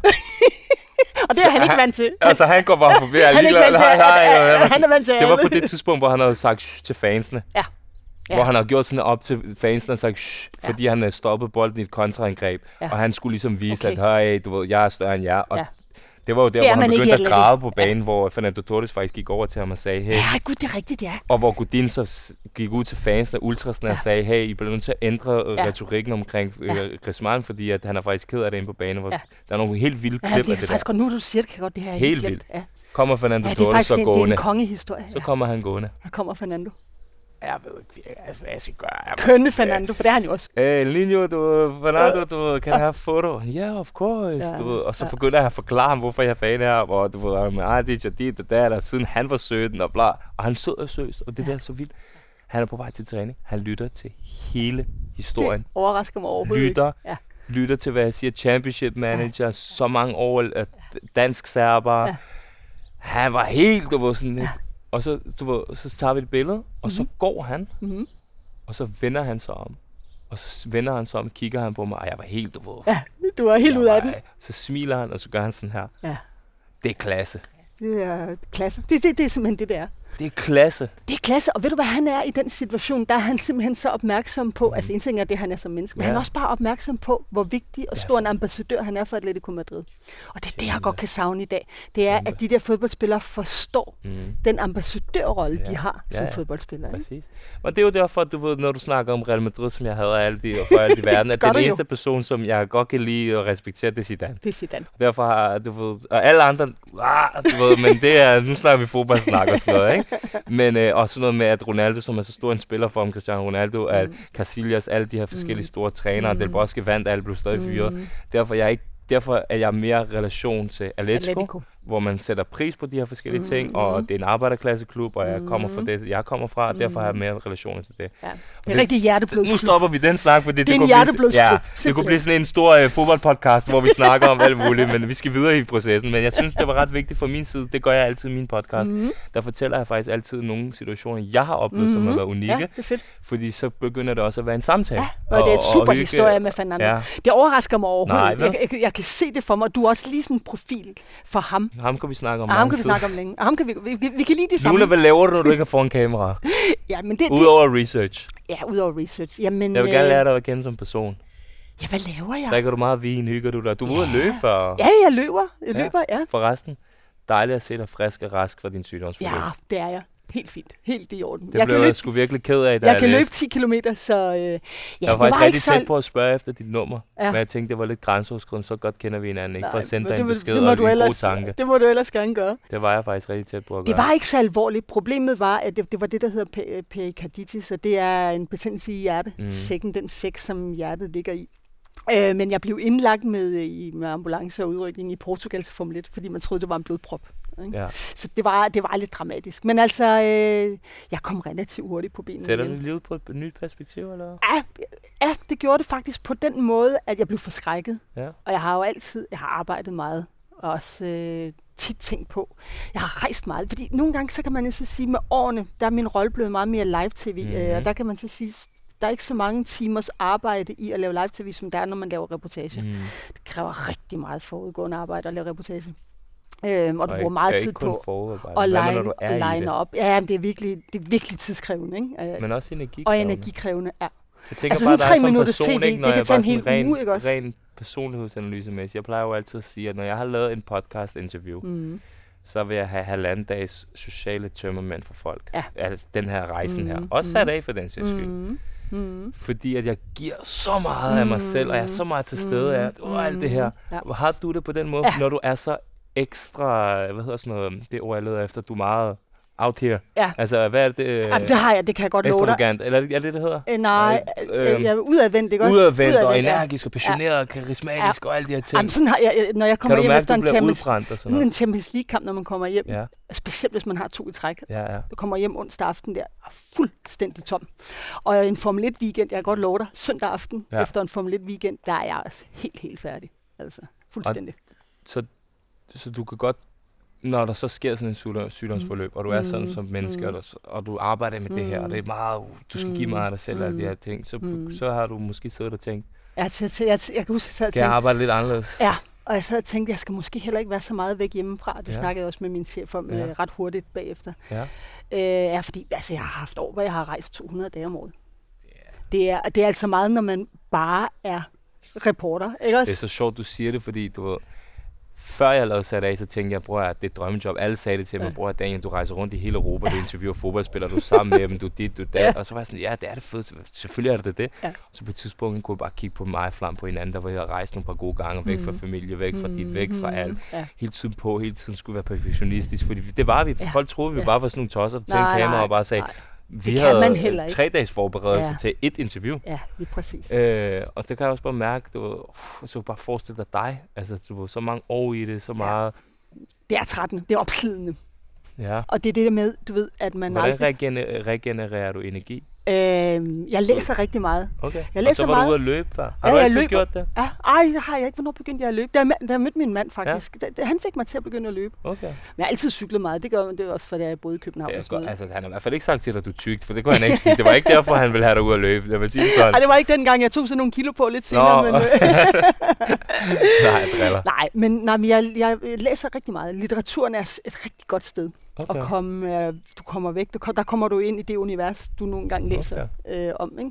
Øh, jeg kan også rigtig godt lide film. Mm. Øh, og så er jeg meget social. Så, Ja. så når Så jeg endelig er hjemme, ser jeg mange på en mennesker. eller anden måde at være social. Ja, men når jeg kommer hjem fra de der ture, så Ja. det kan jeg mærke med alderen. Da jeg var yngre, der var det sådan noget med, når jeg kom hjem, Mm. kunne slet ikke gå hurtigt nok med ud og møde folk Mm, og mm. til koncert og alt muligt. Der kan jeg godt mærke nu, nu skal jeg lige hjem og Ja. have nogle dage. Jeg skal ikke have nogen aftaler Nej, nej. øh, mandag, tirsdag, onsdag. Det er rart at høre, fordi der er mange, der ikke kender den bagside af Mm, medaljen. mm. De tror jo bare, at det hele er... Men det er også noget med med alderen, tror jeg. Det, det, det, lyder sådan, det lyder så kedeligt, det der med med alderen. Men man har bare ikke samme energimængde, vel? Jamen, jeg har heller. Altså, nu skal jeg ikke lyde som, øh, som om jeg er helt, helt... Øh, men jeg jo 32, og jeg har ikke den samme energi, Nej. som da jeg var 23. Nej, nej og da jeg jeg startede. Jeg er altså, det bliver 53, bare ikke hver også? år. Ja, så, men, man har ikke den samme. Nej, det har man ikke. Og derfor skal man passe på sin energi, jo. Ja, det skal Ja. man nemlig. Ja.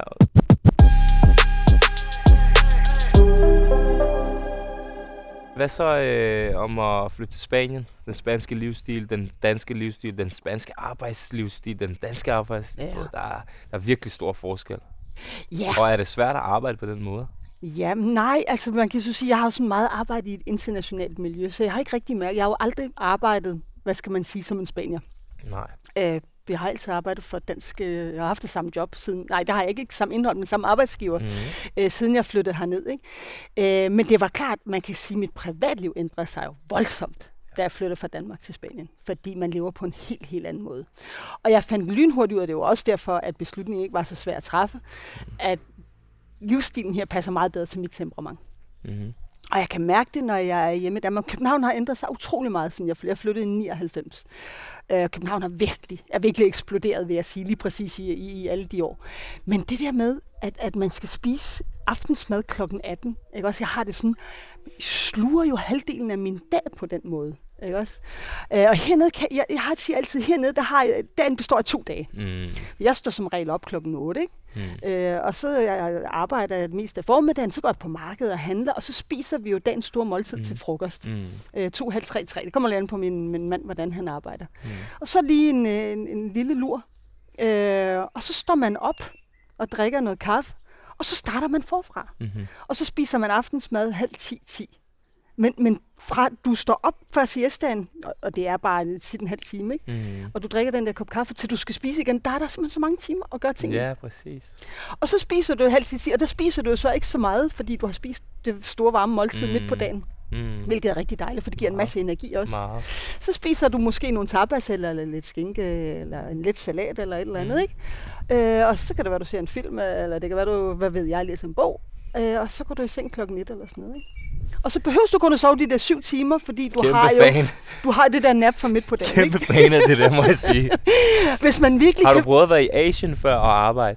Øh, altså kun Der får du også delt dagen op i to, fordi at tiden er bagud. Ja, ja, på den måde, ja. Så du, de mails, der kommer, de Ja, det er kommer rigtigt. først senere Ja, på dagen. Der Australien er meget værre. Er de De det? der 10 timer til Australien. Jeg kan huske, når jeg lavede Formel 1 i Australien. Er, det, er sådan, øh, det er rigtig fint at stå op derude og Ja. arbejde. Bum, bum, bum, og der er ikke nogen, der forstyrrer dig. Ja. Men det er så stressende, Ja, når okay. du så står op derude. Ja, Fordi så er der bare fuld 70 hammer. e-mails. Det er derfor, altså, du det var faktisk LOC, der gav mig det råd, at øh, hvis man skulle øh, arbejde i forhold til de danske arbejdstider og mm. måde med mail og alt det her, så er det godt at tage til Thailand for eksempel. Mm. Fordi så når du at nyde dit liv, Ja, det er rigtigt så nok. går du tilbage, Ja. og så øh, arbejder du, Ja. så nyder du dit liv igen, Ja. og så arbejder du igen, og så nyder du dit liv. Så du nyder dit liv tre gange på en dag, Ja, det kan og man to sige. gange arbejder du. Ja. Hvorimod, hvis du er i Danmark, Ja. så øh, nyder du dit liv en gang, Ja. og arbejde en gang. Men Ja. begge ting er sådan virke, altså Ja, nyde meget, er meget øh, kort, men ja. arbejder meget langt. Ja, det er rigtigt. Så Ja. du har fundet uh, the key to success hernede, eller hvad? Altså, det- det- to ja. the life? Men det er selvfølgelig også, fordi jeg arbejder, som jeg gør, ikke? Altså, Ja, fordi selvfølgelig. det der, det er jo en skrøn, det der med, at jeg med Spanien, jeg arbejder heller ikke. Altså, de arbejder afsynligt mange Ja. timer hernede. Det har jeg lagt mærke til. Det er faktisk en skrøn. Ja, det er en total skrøn. De arbejder bare lidt øh, anderledes. Så, øh, Så det her klima, det er ja. 31. maj, er og der er 28 grader, ikke også? Nok. tror pokker, at folk lige skal have et break midt på dagen, ikke? Det er det. Men hvordan blev, øh, hvordan blev øh, Lone fra Gram i Sønderjylland med 2500 indbyggere til, til Luna, Christoffi, Chiquita, Og, øh, det er jo en lang Chica, proces. señorita med, med uh, det positive uh, aggressivitet og latina og alt det der. Hvordan, hvordan gik Ja, du fra det til det her? ja man kan, det er et stort spring, ikke også? Ja, En masse, en masse tilfældigheder, tror jeg. Øhm, jeg har altid haft masser af temperament. Det kommer, det kommer fra min mors side. ser du dit temperament som negativt i Danmark og Ja. positivt i Spanien? Ja. Det kan man godt sige. Jeg kan huske, da jeg var barn, øh, jeg, jeg, jeg husker, det, du ved, man har sådan nogle, nogle helt konkrete episoder fra ens barndom, man husker, aldrig Mhm. glemmer, ikke? Mm-hmm. Jeg kan huske, min mor hun var aktiv i idrætsforeningen i øh, den der lille by. Det var ikke Gram, vi flyttede til en anden by. Øhm, og der havde de bestyrelsesmøde hjemme hos os i stuen, og, øh, og, og, og jeg sov så i værelset, der var op til, at man kunne høre samtalen. Og der kan jeg huske den ene af, af de her kvinder, der var sad i bestyrelsen sammen med min mor. Hun var også øh, gymnastiklærer på min skole. Og hun sagde øh, til min mor, jeg kan ikke huske, hvordan ordlyden var helt konkret, men, men at det virkelig var et problem, at jeg var så temperamentsfuld. Og, øhm, og det satte sig virkelig i mig. Jeg blev enormt ked af det. Øhm, og jeg har tit tænkt over det som voksen, og specielt hernede. Hvor er det ærgerligt, at man ser temperament som noget ene, entydigt negativt. Mm. Fordi det kan så meget. Selvfølgelig kan det også stikke af. Mm. Det gør det også for mig nogle gange. Men det har været meget mere positivt for mig, end det har været negativt Tænk at på, have hvor meget temperament. drive, hvor meget du kan bruge det i Ja. sport, hvor meget du kan bruge det i dit arbejde, hvor meget du kan bruge det i at hjælpe andre mennesker. Lige præcis. Faktisk. Fordi det, Ja. ja. fordi, og, og hvor meget du kan bruge det til disciplin også. Ja, Og disciplin er det sådan et kedeligt ord, men det er bare et faktum, at uden disciplin kommer vi ikke nogen steder. jeg plejer at, kalde, jeg have plejer at bruge et ord ikke? integritet rigtig meget. Mm. Mm, Det kan jeg godt Mhm, lide, det mhm. ord. Det er min far har lært mig, hård serber. Ja. Integritet. ja, Det har vi faktisk snakket meget om i dag. Mm. Hold dine aftaler. Mm. Mhm. Føler du egentlig, at, øh, at din integritet og din overholdning af aftaler og din personlighed øh, har gjort, at du er altså, noget længere, end hvad dit, måske dit talent Altså, fordi jeg er Øh, hudærlig. Mm. Jeg har aldrig været den bedste til noget som helst. Mm. Og det siger jeg måske i hver podcast. Jeg har aldrig været, jeg har været dårligst til alt faktisk. Men det, der fik mig langt, det var at være mig selv. Ja. Og arbejde hårdt og have integritet og overholde Mm. sine aftaler. Har du det på samme måde, eller du, altså, det var øh, godt, det er et Øh, lidt ja. underligt spørgsmål Ja. faktisk. Ja, jeg var meget Ved god. du, hvad hvad jeg var meget god i skolen Ja. til dansk og sådan noget, Ja. du ved ikke? Øhm, ja, men jeg kan sagtens følge dig, ja. Og, øh, men der har jeg det også Det er sådan. den der fodboldquote, den der med Ja. hard uh, work uh, beats Ja. talent, with talent don't work hard, eller et eller andet Ja. i den stil. Ja, det, men det, det har jeg. Men der tænker jeg altid på det der, jeg tror, jeg startede med at sige timingen. Ikke? Mm. Altså, jeg har virkelig været heldig med også at være på det rigtige sted på det rigtige tidspunkt. Ja. Det tænker jeg tit på, at, at, at, øh, at det har gjort, at jeg er på længere karma end, også, end mit og talent øh, rækker til. Ikke tror også? meget på karma og Ja. hvad man giver, hvad man får, og Ja. sådan nogle der ting, ikke? Men også det der med, at man ikke er bange for at, at drømme stort. Ja. Og det siger jeg altid til unge mennesker. Simpelthen drøm stort. Forfølg dine drømme. Mm. Du må aldrig nogensinde tænke... Jeg kan huske, da jeg var øh, barn og sad og så... Der var kun DR, der eksisterede dengang. Ikke? Og når jeg sad og så nyhedsudsendelser, der så jeg Mette Fugl. Hun var korrespondent, ikke? Mm. Hun var en af de få kvindelige korrespondenter, der var. Og jeg tænkte bare, wow, tænk at blive som Mette Fugl. Mm.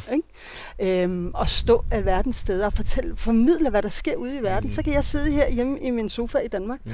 og få at vide, hvad der sker det ene og det andet sted, fordi hun Ja. står der. Øh, det, det, det, jeg havde sådan fuld af bunding, jeg tænkte, det kunne jeg også godt tænke mig en dag. Men det turde jeg jo aldrig Så sige du tror højt. meget på sådan law of attraction? Ja, det tror jeg faktisk. Ligesom Bradwaite. Ham, Ligesom- da jeg ja. interviewede ham, så Mm. snakkede vi meget om det. Mm, ja, han tror jeg, det, det, det Jeg tror jeg, han er rigtig meget på. Han, ja, virkelig. Ja. Ja. Jeg, jeg sagde jo faktisk til ham, da vi sad i Toulouse og interviewede ham, så sagde mm. Han, lad nu være med, når du kommer til Barcelona. Mm. Det siger jeg. Det, er, Mm. det er rent held, jeg siger i Mm. Barcelona. Mm. Lad nu være med, når du kommer til Barcelona. Lad nu være med at ikke at tage din telefon, hvis jeg ringer, og vi skal ja. Ja. komme forbi. og det vilde er jo, at han har jo faktisk været med i podcasten. Har han det? Så han holdt sit ord. Nå, fedt. Ja, han er også fra Esbjerg, ligesom vores Ja, gode ven jeg godt. Morten øh, bag kameraet. Ja, jeg interviewede ham her for nylig, men det var så selvfølgelig øh, desværre jo ikke pa- person Nej. til person. Meget, meget, meget sympatisk. Meget. Jeg tror, jeg tror, måske tror jeg ikke på det øh, så meget, som han gør. Eller, Nej, han er virkelig sådan... eller så defineret. Ja, ja, ja. Han, han har det meget mere defineret, for jeg tror, Ja. at for han har mig... jo skrevet det ned i en bog. Ja, lige altså præcis. Sådan, hvor der står, først skal jeg være Ja. her, så skal jeg være her, så skal Ja. jeg være her, så skal jeg være her. Ja. Og selvfølgelig er der også held im- implementeret jo, og alle mulige øh, andre ting. Men hvis ikke du forfølger dine drømme, ja. så, så kommer du heller Så ikke nogen steder. Hvad du så troede, øh, at du ville være her? Du sidder her i dejlige Cardis, du... Ja.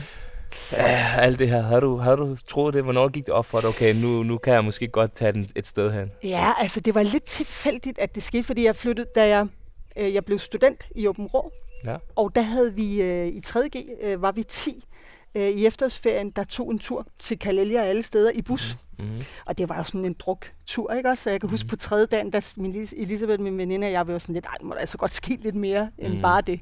Så tog vi toget ind til Barcelona, og øh, da vi kørte ind på det, der var sådan en gamle øh, togstation, den eksisterer ikke længere, jeg kan huske, jeg glemmer det aldrig, da vi kom kørende ind og gik ud af toget, og alle lydene og øh, lydene og duften og det hele, det var sådan en total fornemmelse, øh, som var så berigende, at jeg, jeg vidste med det samme, at, at der skulle jeg helt sikkert tilbringe noget tid. Mm.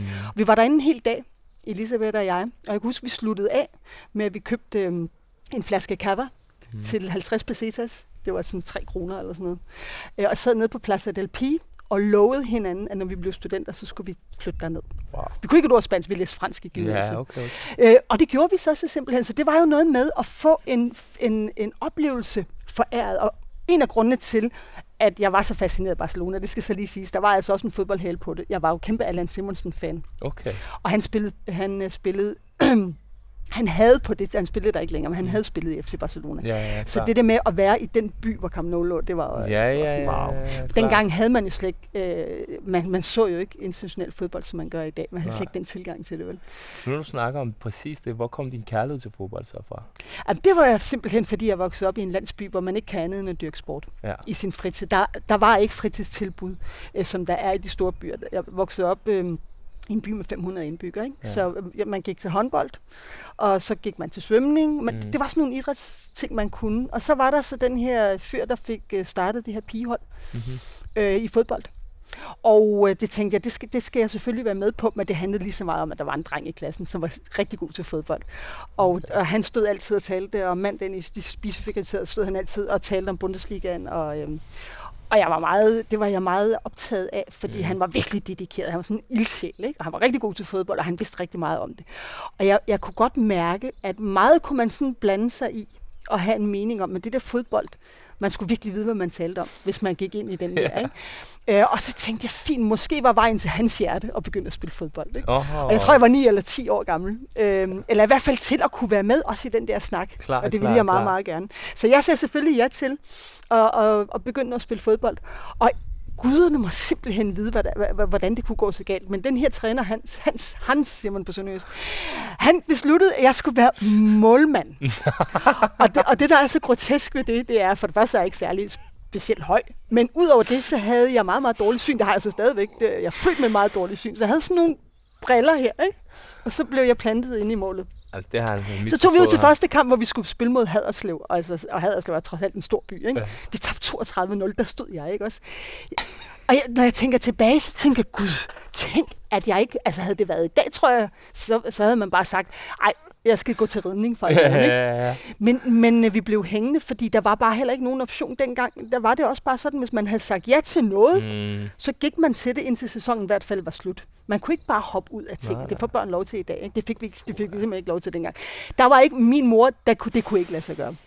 Så vi kørte færdigt, og ved du hvad, vi fik så mange tæv, og jeg var målmand i alle de der kampe. Og de, de der mål, de røg ind om ørerne på mig. Jeg havde heller ikke noget forsvar, for der var ikke nogen af de andre, der vidste, hvad det var at spille forsvar. du havde vel? ikke gået din foran dig. Nej, det havde jeg godt nok ikke. Jeg håber, de Wow. hørte, de der piger. Men når, når du så... Men du skal lige høre det, Ja, fordi ja. så aller, aller sidste kamp, Okay. i sæsonen, der skal vi så spille i Gram. Og så ved jeg ikke hvorfor, men der vinder vi 4-1. Der skete miraklet. Okay. Og så kiggede vi tøser på hinanden, og så er det bare sådan, det her, det skal simpelthen ikke være sådan. Og så tog vi øh, os virkelig sammen. Lavede en super forsæson året mm-hmm. efter. Kørte hele vejen igennem, endte med at spille finale og slå Sønderborg 1-0. Wow. og blev sønderjyske Og det mester. er jo sådan noget, du kan huske nu jo. Altså, Når som om jeg det står- var i ja, går. Ja, og jeg, det kan folk synes, det er pisse idiotisk. Men ved du når jeg står ude til de der store idrætstriumfer, og, og er tæt på dem, der lige har vundet noget, så tænker jeg stadigvæk den der i dag på, på den der sejr. Ja. Øh, fordi den der følelse inde i kroppen, Mm. den har ikke noget at gøre med, hvor stort det er, det du vinder. Mm-mm. Men det er den, altså hele arbejdsindsatsen op til, ikke? Op til. Og så du bliver ved.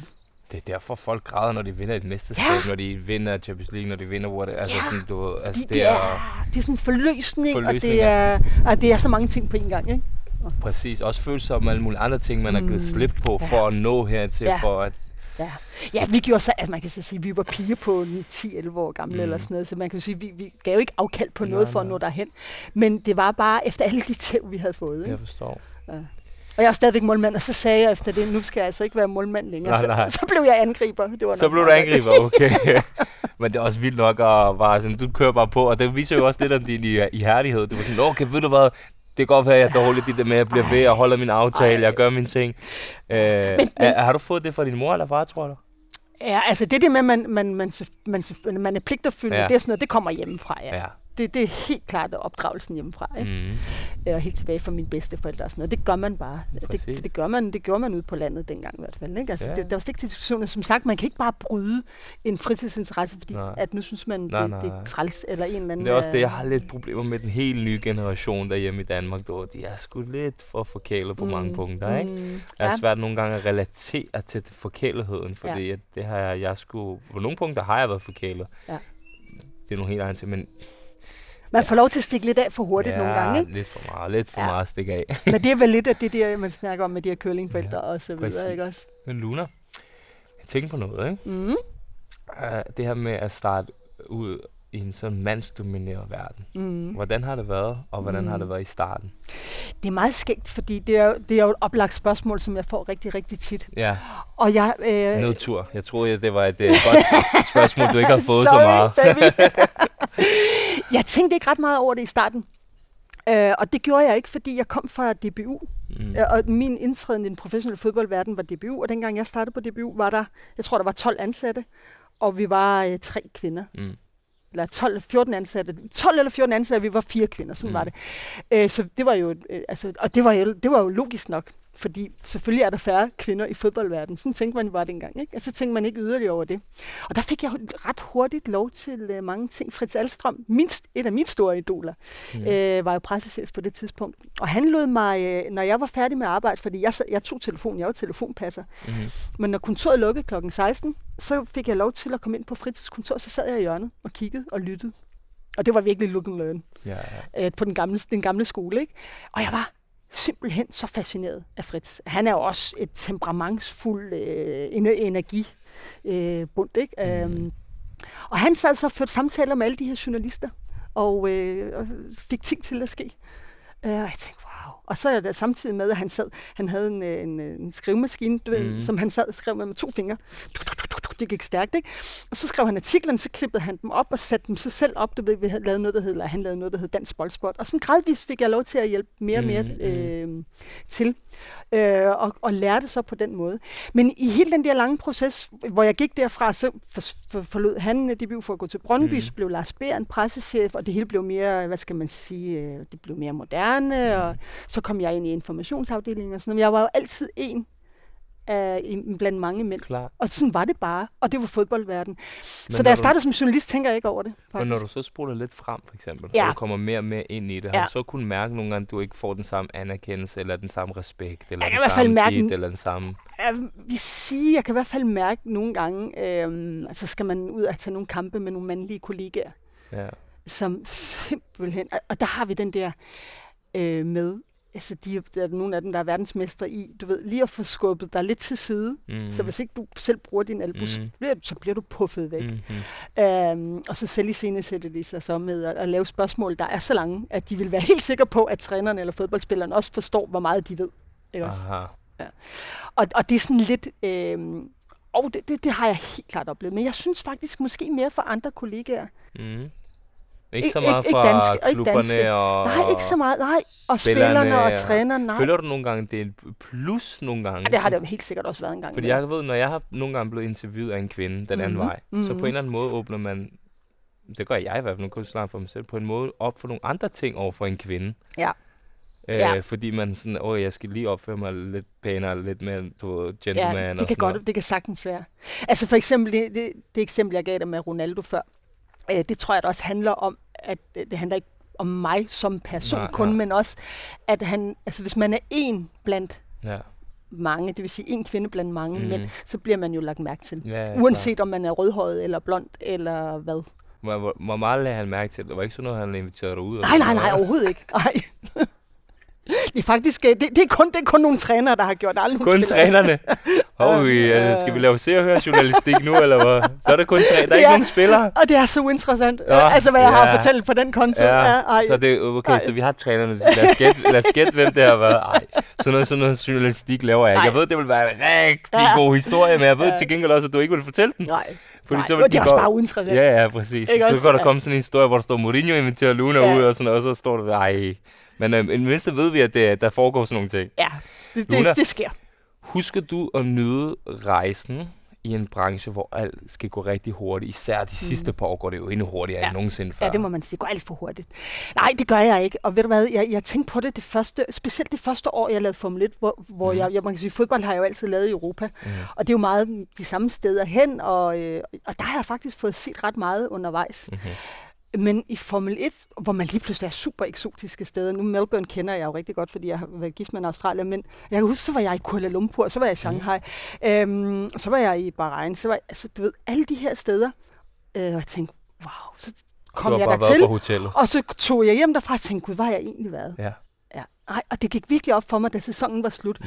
Også fordi jeg kæmpede virkelig. Altså, jeg blev virkelig sat tilbage i mit Mhm. arbejdsliv, det, det første år, jeg lavede Formel 1. Altså, Mhm. der, der fik jeg, det var lige et par lusinger, men du kan ikke gå på vandet, Nej, hvis jeg nej. troede, jeg kunne det. Og det gjorde jeg måske lidt. Ja. Ja. Jeg, det var rigtig sundt for mig, men det var godt nok også hårdt. Jeg var fuldstændig udmattet. Fordi øh, der måtte jeg jo bare kende, jeg kendte ikke sporten. Jeg var jeg fik fem dages varsel til at begynde at dække sporten, så jeg, Mhm. det var heller ikke fordi jeg, det var ikke fordi jeg var utjekket. Jeg havde Nej, nej. simpelthen ikke muligheden. Vel? Jeg havde en dårlig kemi med Kevin Magnussen det første år. Mm. Det var, det var hårdt. Så der var heller ikke, altså selvom man måske en eftermiddag var færdig med arbejde Mm. mm. ved sekstiden, og kunne have gået en tur i byen, der var bare ingen kræfter tilbage. Hvad vil du så sige til, der er jo rigtig meget den her ligestillingssnak i Danmark, og det er mm. Rigtig godt, den kører, fordi mm, der Mm, skal være absolut. ligestilling. Hvad vil du Absolut. sige til kvinder i hvilket som helst fag, mm. Mhm. et råd til dem, hvordan de kan altså sådan, altså gøre? For du har jo, det lyder jo som om, at selvfølgelig har du mærket nogle ting her og der og sådan noget, mm. men at Mm. alligevel, ja. Du har sparket døren ind og sagt, Ja. hallo. Ja, men jeg vil sige, at man aldrig nogensinde skal, øh, hvad skal man sige, øh, sætte sine drømme ud for det køn, man har. Man skal simpelthen øh, kigge ind i sig selv, mm. føle, og så skal man øh, glemme alt om sit eget køn. Mm.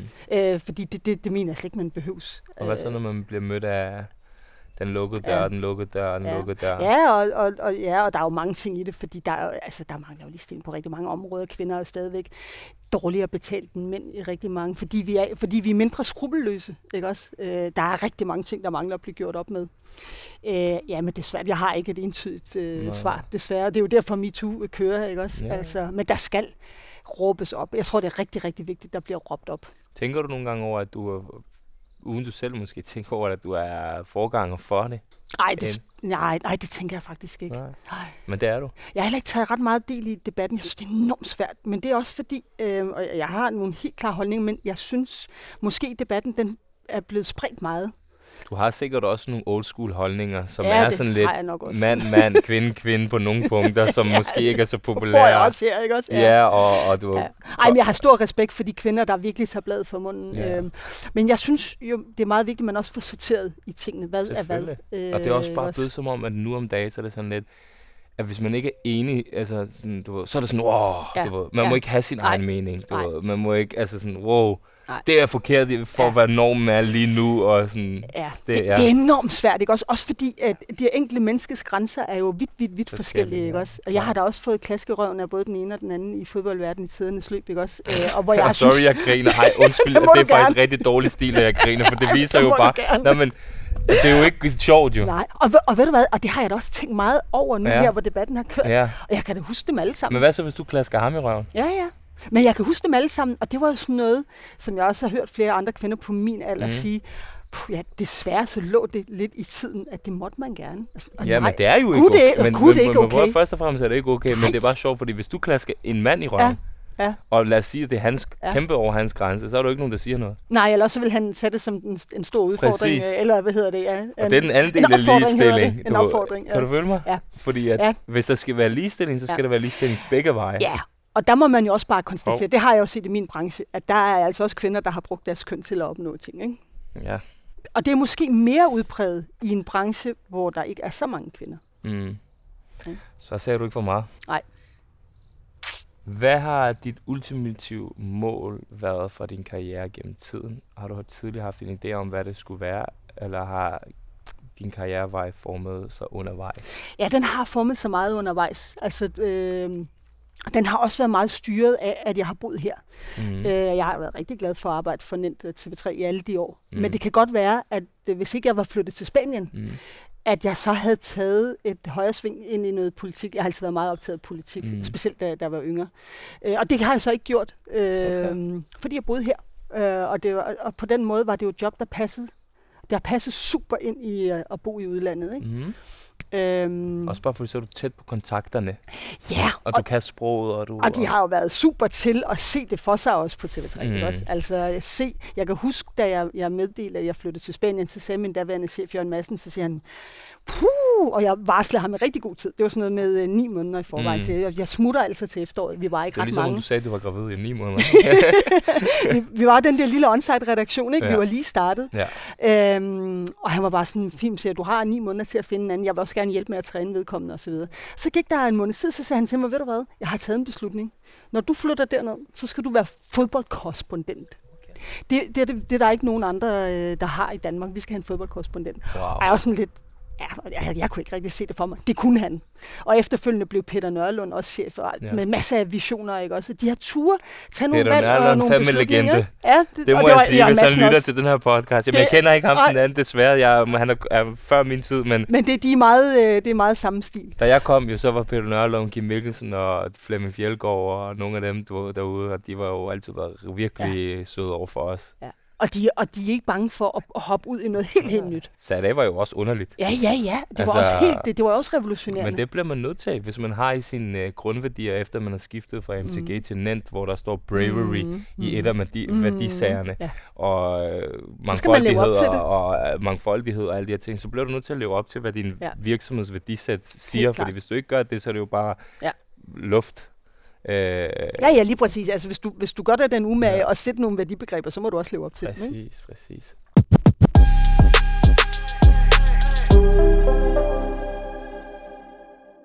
Luna, øh, de største udfordringer ved jobbet som sportsjournalist?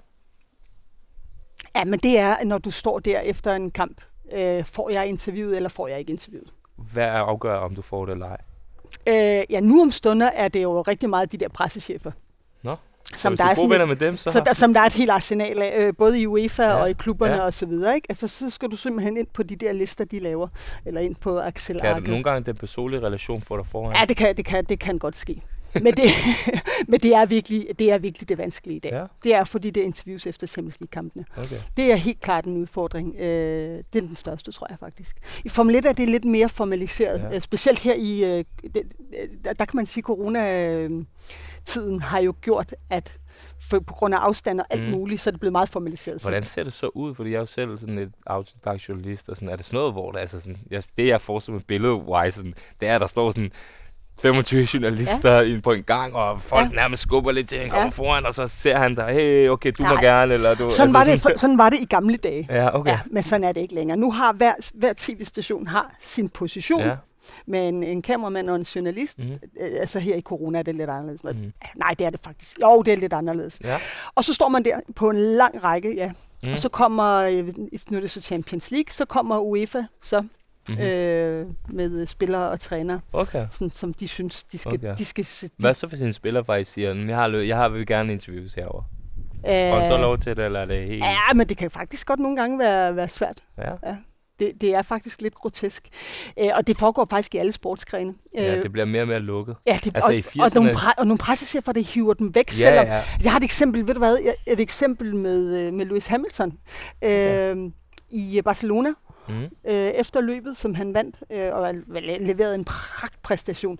Øh, det er som vi går på omgang med at stå i den der mixzone Mm. øh, på Formel 1 på Mm. grund af corona.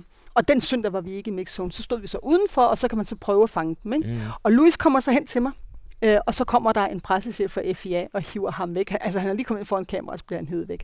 Øh, så skulle han op til en pressekonference. Ikke? Så og, og sådan noget, det sker jævnligt, og Ja. det er virkelig innoverende. Men jeg sidder bare og tænker på fodbold, hvordan der udvikler sig. For eksempel, hvis du tager 80'erne, for eksempel, hvis du tager Mm. Italien, eller, hvor Mm. folk røg smøger og Ja, ja. drak øl og spillede og Ja, ja. åben og fester Ja, ja. fra og hvad, hvad. Ja, Og så nu om, vi man gik i om, 2021. vi var i Det er omklædningsrummet. det, jeg mener. Ja. Og så 2021, hvor det sådan lidt, spillerne siger ikke noget. Nej. Pressen laver deres eget presse, deres eget content. Mm. Du, ved, du skal være heldig, hvis du får Mm.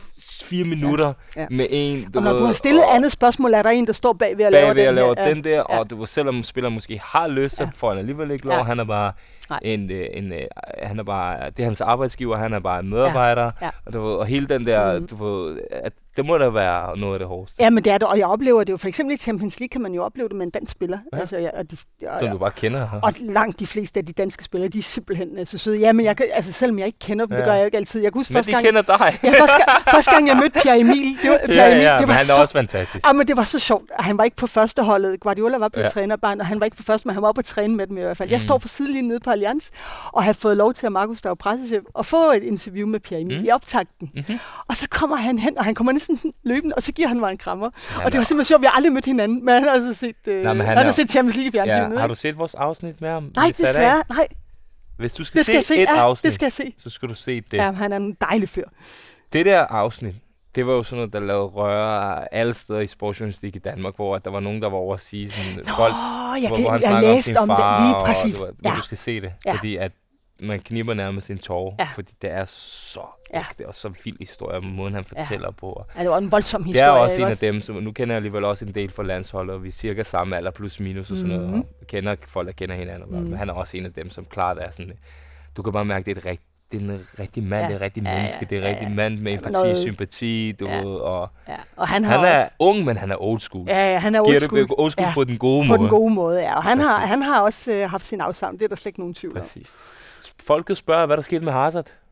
Det er kun Luna, der har svaret, siger, øh, siger rygterne. Nej, det har jeg simpelthen ikke, men øh, jeg tror... Ved du hvad, det, jeg tror, der er sket det for ham, som der også skete for blandt andet øh, Ronaldo, brasilianske mm. Ronaldo, og også andre i tidernes løb. Man kommer til Madrid. Øh, Der, der sker nogle ting, når man kommer til Spanien, Mm. mm. men specielt til Real Madrid og Barcelona, eller byerne Madrid og Barcelona. Øh, Det er jo et fantastisk liv. Øh, Man skal virkelig have selvdisciplin. Og det har Hazard bare ikke, tror jeg. Ej, det tror jeg nemlig heller Han virker ikke. øh, virkelig som en me- meget doven type. Jeg, jeg tror simpelthen også, han har levet lidt for meget La Dolce Vita. Ja. Det skete også for brasilianske Ronaldo. ja, men det sker meget for brasilianere generelt. Men også hernede kan du godt, øh, måske ikke så meget længere, men det og kan du stadigvæk godt. Du kan godt leve Dolce Vita, Mm. og blive beskyttet, uden at medierne fortæller om det. Mm. Det kan du godt. Oh. Men jeg ved det ikke, når Indtil et vist punkt, fordi Ronaldinho gjorde det jo også, men det, var, Ja. det, det blev så så voldsomt. Altså, Ja, han ja, spillede det op på bikini. voldsomt, Han, han, spillede øh, på bikini hver eneste nat til klokken 6 om morgenen, ikke også?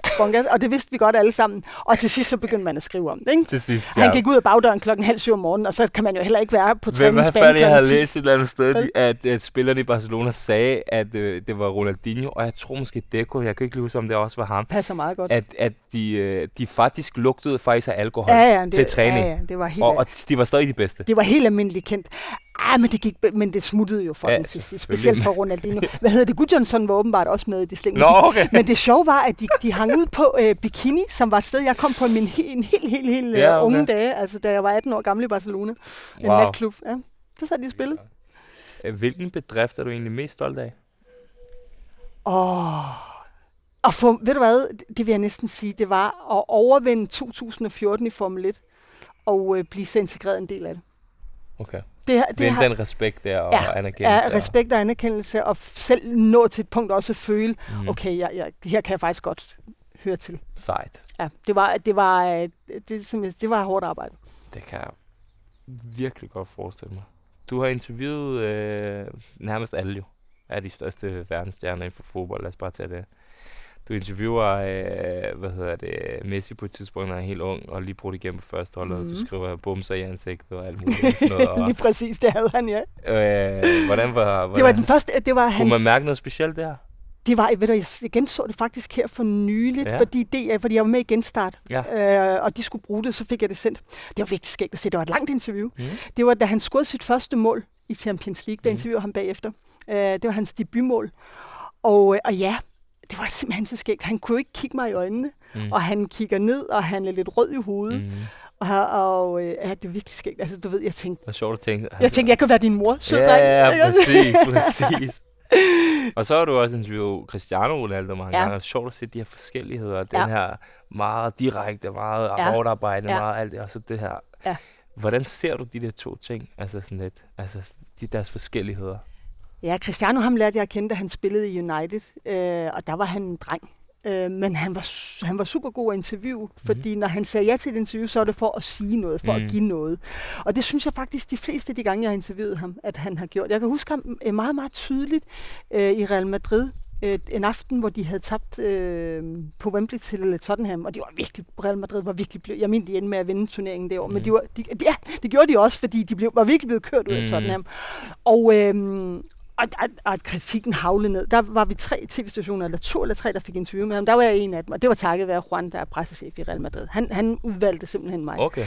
Og der var han, der var han, øh, der var han øh, øh, virkelig imponerende, Cristiano, fordi at, øh, han havde også spillet en rigtig dårlig kamp. Og han var meget, meget, meget direkte. Han tog imod spørgsmålene, og han svarede, han var ærligt, han, øh, han viste sig frem. Det Det han gemte sig ikke. Det ikke Og så sluttede han med at sige, at de ville vinde til, men han, vi skulle bare tage det roligt alle sammen. Ja. Vinde Champions League. Det gjorde de så. Det er jo det år, de slog Atletico Ja, i det øh, ved jeg godt. Jeg kan godt huske det 16. interview. Jeg kan godt huske det interview. Ja. Ja. ja det skærer stadig ind i mit hjerte. Og det her, det var vel i oktober måned. Du har da også noget, interviewet uh, Mourinho på et tidspunkt, jeg hvor, mange hvor han, han så bare siger, at uh, ja, det i jamen, f- vi i Porto der, uh, vi vinder Champions League. Ja, det sagde han. Sagde, sagde han han- seriøst det til dig? Ja, måske ikke med de... Men, jo, men det gjorde han. Jo, det sagde han. Det, altså, vi kan sagtens vinde Champions League. Det sagde han i september, før, før Champions League-sæsonen gik i gang i 2003, så vandt de det så i fire. Der var jeg i Porto og havde en hel dag med Mourinho praktisk talt. Der var han jo ikke kendt. Der var ikke nogen, der kendte ham. Jeg Han har vidste, jo været træner i Barcelona også. Jo. Ja, men, men, men øhm, nej, han var ikke Nej, træner. altså, jamen, er ikke træner-træner? Nej, altså, han var assist- assistenttræner, Ja, lige ja. præcis. Men, men der var han meget nedtonet, og det var, han blev ikke særlig berømt af det. Nej. Og den eneste grund til, og jeg røg til Porto, øh, det var min redaktør, så jeg kan du ikke tage til Porto og lave noget? Og det var kun fordi, de skulle møde Real Madrid. Okay. Øh, så skulle vi have noget, der var lidt andet. Vi havde lavet så meget Real Madrid på det tidspunkt, ikke? Øh, fordi de havde været på toppen i alle de der år. Så tror du lidt noget af alt det der, han har begyndt på de sidste mange år, ligesom for... øh, Ja, Ja, ja. Men det var i hvert fald skægt den dag der, fordi at vi, og så var vi til deres ligakamp om lørdagen, og så var vi ude altså på deres jeg anlæg elsker hele jo søndagen. at høre Mourinho snakke, Ja, ja. fordi han er så straightforward. Ja, men han, jeg synes, han har mistet lidt magi. Det har han også. Han havde mega meget magi dengang. Han Mm. var... øh, Men magien kommer også meget han af havde meget glimt. Han har mistet noget glimt i øjet. Han bliver hurtigt sur nu jo. Ja, han mistede noget glimt i øjet. Det røg, noget af det røg i Madrid. Ja. Madrid er en stor mundfuld, du. Det giver, det, giver, det er jo Real til Madrid Zidane er er skaldet jo, ikke? Nej, det, det var før det. Men, Men, jeg men det er en stor mundfuld at komme til Real Madrid Barcelona, både som spiller og træner, og man forestiller sig ikke, før man er der.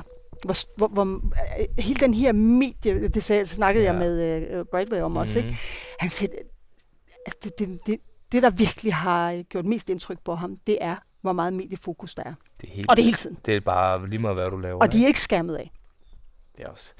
Men altså noget af, hvis vi tager den sidste historie, det er, at du bare tager en smøg med Ancelotti i pausen i League-finalen. ja, det er rigtigt i, 2005. Istanbul. Ja. Der er hans hold foran Milan foran Ej, det kunne 3-0, ikke- så det tager du kraftet med bare en smøg. Ej, han, det var ham, der kom ned til mig. Ja, Jeg okay. Det er, Jeg stod, og, jeg stod og røg nede ved hjørnefladet i Ja. pausen, og de førte 3-0 Ja. ja. i Milan, ikke? Det kan ikke gå noget galt, så på vej anden halvleg kommer han lige ned og får en smøg. det kunne jo ikke gå galt. FC Milan, Hvem er- hvem er- AC Milan sætter ikke alle de 3-0 over i mennesker, træner og spillere, hvis du tager en træner og en spiller, hvad for en, er, at en træner og en spiller, der, der for dig er ligesom, Ja, altså, jeg kan godt lide Angelotti, men jeg var rigtig glad for Vicente Del Bosque. ja. Uh, mm, ja. Og ved du hvad?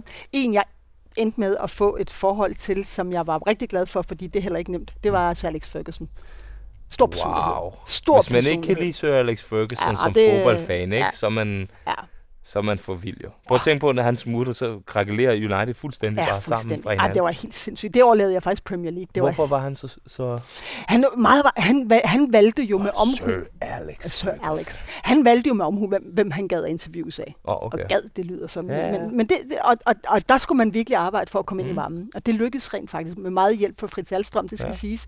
Men når man så først kom ind i varmen hos ja. ham, øhm, jeg har lavet rigtig, rigtig mange interviews med ham. Og han var super interview, bortset fra, at man skulle virkelig spidse ørerne med det der skotske der. Ja, ikke? nå, ja, det var også det. Så uh, Sir Alex og, Ja. og Del Bosque, som Del Bosque faktisk vandt også- alt, men alligevel blev fyret. Ja, ham, ja, han blev fyret dagen efter et mesterskab, ikke også? Om natten. Ja, men vandt de ikke alt, altså sådan, vi snakker alt? Jo, han vandt, øh, vandt jo Champions League i 2000 og 2002, ikke? Og La Liga, og Ja, ja. ja. Cup, og... ja, ja, ja, ja. Jamen, det, var, ja, det var helt vanvittigt. Helt vanvittigt. Han Hvad blev fyret spiller? efter et mesterskab om natten. De vandt mesterskab. Jeg var faktisk på Bernabeu. Øh, Hvorfor Bil- bliver man fyret? Fordi at Florentino Pérez synes, at han ville have et mere moderniseret Real Madrid. Det skulle være lidt mere chict. Og Del, og Del Bosque lignede den her gamle bedstefar, ikke også? Det passede ikke ind i det her nye verdensbillede. Det sidste, øh, Peters har sagt, som jeg synes, er jeg kan godt forstå med et eller andet sted, men jeg kan jo slet ikke have Real. Hvad så siger han under Super League, så siger han... Øh, øh, de spørger ham, hvorfor har du ikke spurgt fansene om, Ja. øh, om, øh, om Super League? Så siger jeg, skal jeg også spørge dem, hvem vi skal købe? Ja. der hørte det ikke, så var jeg sådan der, okay, ja. altså den er jo helt stukket af. Men de har jo bakket ham op langt stykke hen ad vejen. Ja, det er en lang snak. Ja, det er en Øh, lang den, snak. Den, Den, den, den, den, den tager den vi er, slet ikke nu. ej, den, den er der med. Super League den er og alt det, det har vi Ja, slet og den er kun lige begyndt. Men hvad med spiller? Med, med spiller? Ja, der er mange. Altså, jeg, jeg må sige nogle af de... Altså, Sig lige en serbisk spiller. Mihailovic, Stankovic, Nej, Savicevic. Sig lige en uh, Mijatovic. Mijatovic har interviewet. Yes. Mhm, ja. Men jeg er nok Ja, nødt til at, jeg er nok nødt til at sige øh, brasilianske Ronaldo, Ja. Roberto Carlos. Men ved du hvad, den hvor jeg virkelig blev starstruck, Ja. det var da jeg mødte Maradona. Og det var jo ikke, jeg har ikke... Det er også dit profilbillede på Twitter. Ja, og det var, det var Rest- til finalen i Istanbul. Rest in peace. Det var, øh, ja, det var til forud for finalen. Var han så vild som... Altså, Ja, det er sindssygt. Altså, han havde en aura. Øh, I fodboldverdenen har jeg aldrig, aldrig nogensinde mødt nogen, og jeg har været i byen med Pelé i København. Jeg har aldrig mødt nogen med sådan en aura som, øh, som Diego Maradona. Aldrig nogensinde. Simpelthen, det, det, det var sådan. Den, jeg fortæller historien hurtigt, for det var finalen der mellem Milan og Liverpool, Mhm. Ude på det her tyrkiske stadion langt pokker i vold, hvor vi alle sammen havde fået at vide, at vi skulle virkelig tage det ud i god tid. Så vi var der alle sammen i rigtig, rigtig god tid, og så kunne man intet foretage sig derude. Vi andre skulle så bare arbejde. Nå, men i hvert fald, det betyder, at fansene var rigtig tid. Der var ikke øl. Man kunne købe øl derude, mm. de der stakkels Liverpool-fans. Det var virkelig ja. hårdt for dem. Nå, så fansene, når du ikke kunne drikke øl, så kan man lige så godt gå ind på stadion, ikke? ja. Så det betyder jo, da, da og vi står klar nede på sidelinjen, vi står de der 30 tv-stationer legnet op, mm. vi står aller, aller sidst. Altså Mm. allerlængst nede mod hjørnefladet. Og ved siden af os står Fox fra Sydamerika. Øh, nå, da, så da vi går på live, er der faktisk ret god stemning på stadion. Altså, der er jo kulisser og sådan noget. Det plejer der jo ikke at være de der to timer før kick-off, vel? Lige pludselig, så går der sådan en sus igennem alle de her mennesker på lægterne. Og så kan man så se helt op i den anden ende, hvor man kommer ud på stadion. Der kommer den her lille runde mand, der går sådan her, ikke? Det var så Maradona. Og han fik simpelthen hele stadion til at rejse sig op. Og så var han klappet ind, både af Milan-fans og af Liverpool-fans. Og han var selvfølgelig omgivet af vagter og øh, hvad hedder sådan, bodyguards og sådan noget. Ikke? Så alle prøvede, journalister prøvede at komme i kontakt med ham og blev værfet væk. Indtil han kommer ned til os, fordi han er min nabo. Han skulle arbejde for Fox. Han var tv-ekspert. Så jeg kunne uhindret gå hen til ham som den eneste, fordi vi stod klods op og ned af Og hinanden. der er det billede der, hvor Ja. I står og snakker, Ja, hvor- og I smiler. og Ja, alt hvor han øh, tog kindkys og det hele.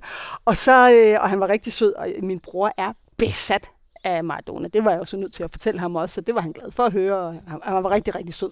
Indtil jeg så lige rundede af med at sige, Nå, kan jeg ikke lige stille dig to spørgsmål til Skandinavisk TV? Ja. Så rullede han med øjnene, og så han var sådan, ej, så fandt jeg ud af senere, at han havde fået en halv million dollars for, for at stille op for Fox i 20 minutter. Så står der en eller anden blondine og beder om to spørgsmål. Og der, der stoppede den kærlighed. Fotografiet er fra lige før. Ja, jeg for stiller lige det, før, så for lige før jeg ud. stiller det der det Der- rigtig dumme spørgsmål. Ej, men, men det er jo også der, hvor man ser med dig, du ved. Jeg har også hørt den historie med, at du har sagt til Raul på et tidspunkt, sådan, jeg skulle hilse for Laudrup, som Ja. ja. ikke var rigtigt. ja, som ikke var rigtigt. Ja, For at fordi, ligesom at, uh, der var stemningen også. Den var virkelig... Ja, men du fik noget, og du... jeg fik verdens længste interview med Så Raoul. du ja. går okay ret langt nogle gange, Ja, nogle for ligesom gange. at lige give det, noget. det kan man nogle gange kan man godt blive nødt til at hilse fra Selvfølgelig, Irland. selvfølgelig. Vi har da også gjort nogle ting for at få Og nogle det- rap-interviews, som vi ikke snakker Ja. så meget højt om. Ja. det kunne jeg forestille mig. Som er på grænsen det må jeg ikke sige til en podcast på ulovlig, men øh, det var, og, og, vi fik dem. Det var, så kan, Og så er det, du siger, det, det er bundlinjen, der tæller. ja, ja, præcis, fordi det, bundlinjen, Og jeg der tænkte med Raoul den dag, der så tænkte, jeg, okay, jeg havde ikke set Michael Laudrup i lang tid der, men tænkte, hvis, Ja. hvis Michael vidste, jeg kendte Michael, Ja, ja, hvis Michael vidste, at jeg var sammen med Raoul, mm. så er jeg helt sikker på, at han ville sige, at jeg skulle hilse ham. helt klart. Så Ikke? du lavede lidt snigeren. Ja, det var lidt snigerne. Tre hurtige. Ja. Øh, kommer du til at få børn? Nej, det er alt for gammel til. Øh, vinder Danmark øh, EM, eller har I en chance for det? Hvorfor ikke? Jeg har et rigtig godt hold. Mm. Øh, er det ligesom at være med i en film og have en kæreste, som er narkobetjent? Nej, ved du hvad? Men, men jeg må sige en ting, Ja. at virkeligheden overgår al fiktion. ja. Og det har jeg så fundet ud af Okay. via hans job. Det Okay. er fuldstændig Der er jo en. Og serie jeg- åbenbart, en spansk serie, fortæller morgen, Ja. som handler om narkobetjent Ja, ja, i Cardis ja, og ja, lige områder og præcis, sådan noget. lige præcis. Han er så ikke øh, her jo, han Nej, er nej. så længere op nordpå. Men, Okay, men det er det rene vanvid, hvad de er udsat for, altså hvad der sker i øh, og så til sidst, hans liv. Mm. hvad er dit råd? Det er at være dig selv og at være ægte og overholde dine aftaler? Ja, Det var det, jeg har fået ud af den store Ja. Luna. Ja. Tusind tak for Velbekomme. at inspirere mig, for at give gæstfriheden, for at give dig den her tid og lukke mig ind i dit hjem faktisk, for det er en ting, man ikke bare lige gør til hvem som helst. Det har været Øh, en udsøgt fornøjelse. Og, og du er altid for- velkommen. Kom endelig igen. Ja, tak for at inspirere mig, og så må vi jo lige låne den her villa, du har med paddeltennisbane. Ja, det må vi- det må vi- det må vi i fikse. Den skal vi nok promovere, så kommer der masser af cola i bæksen.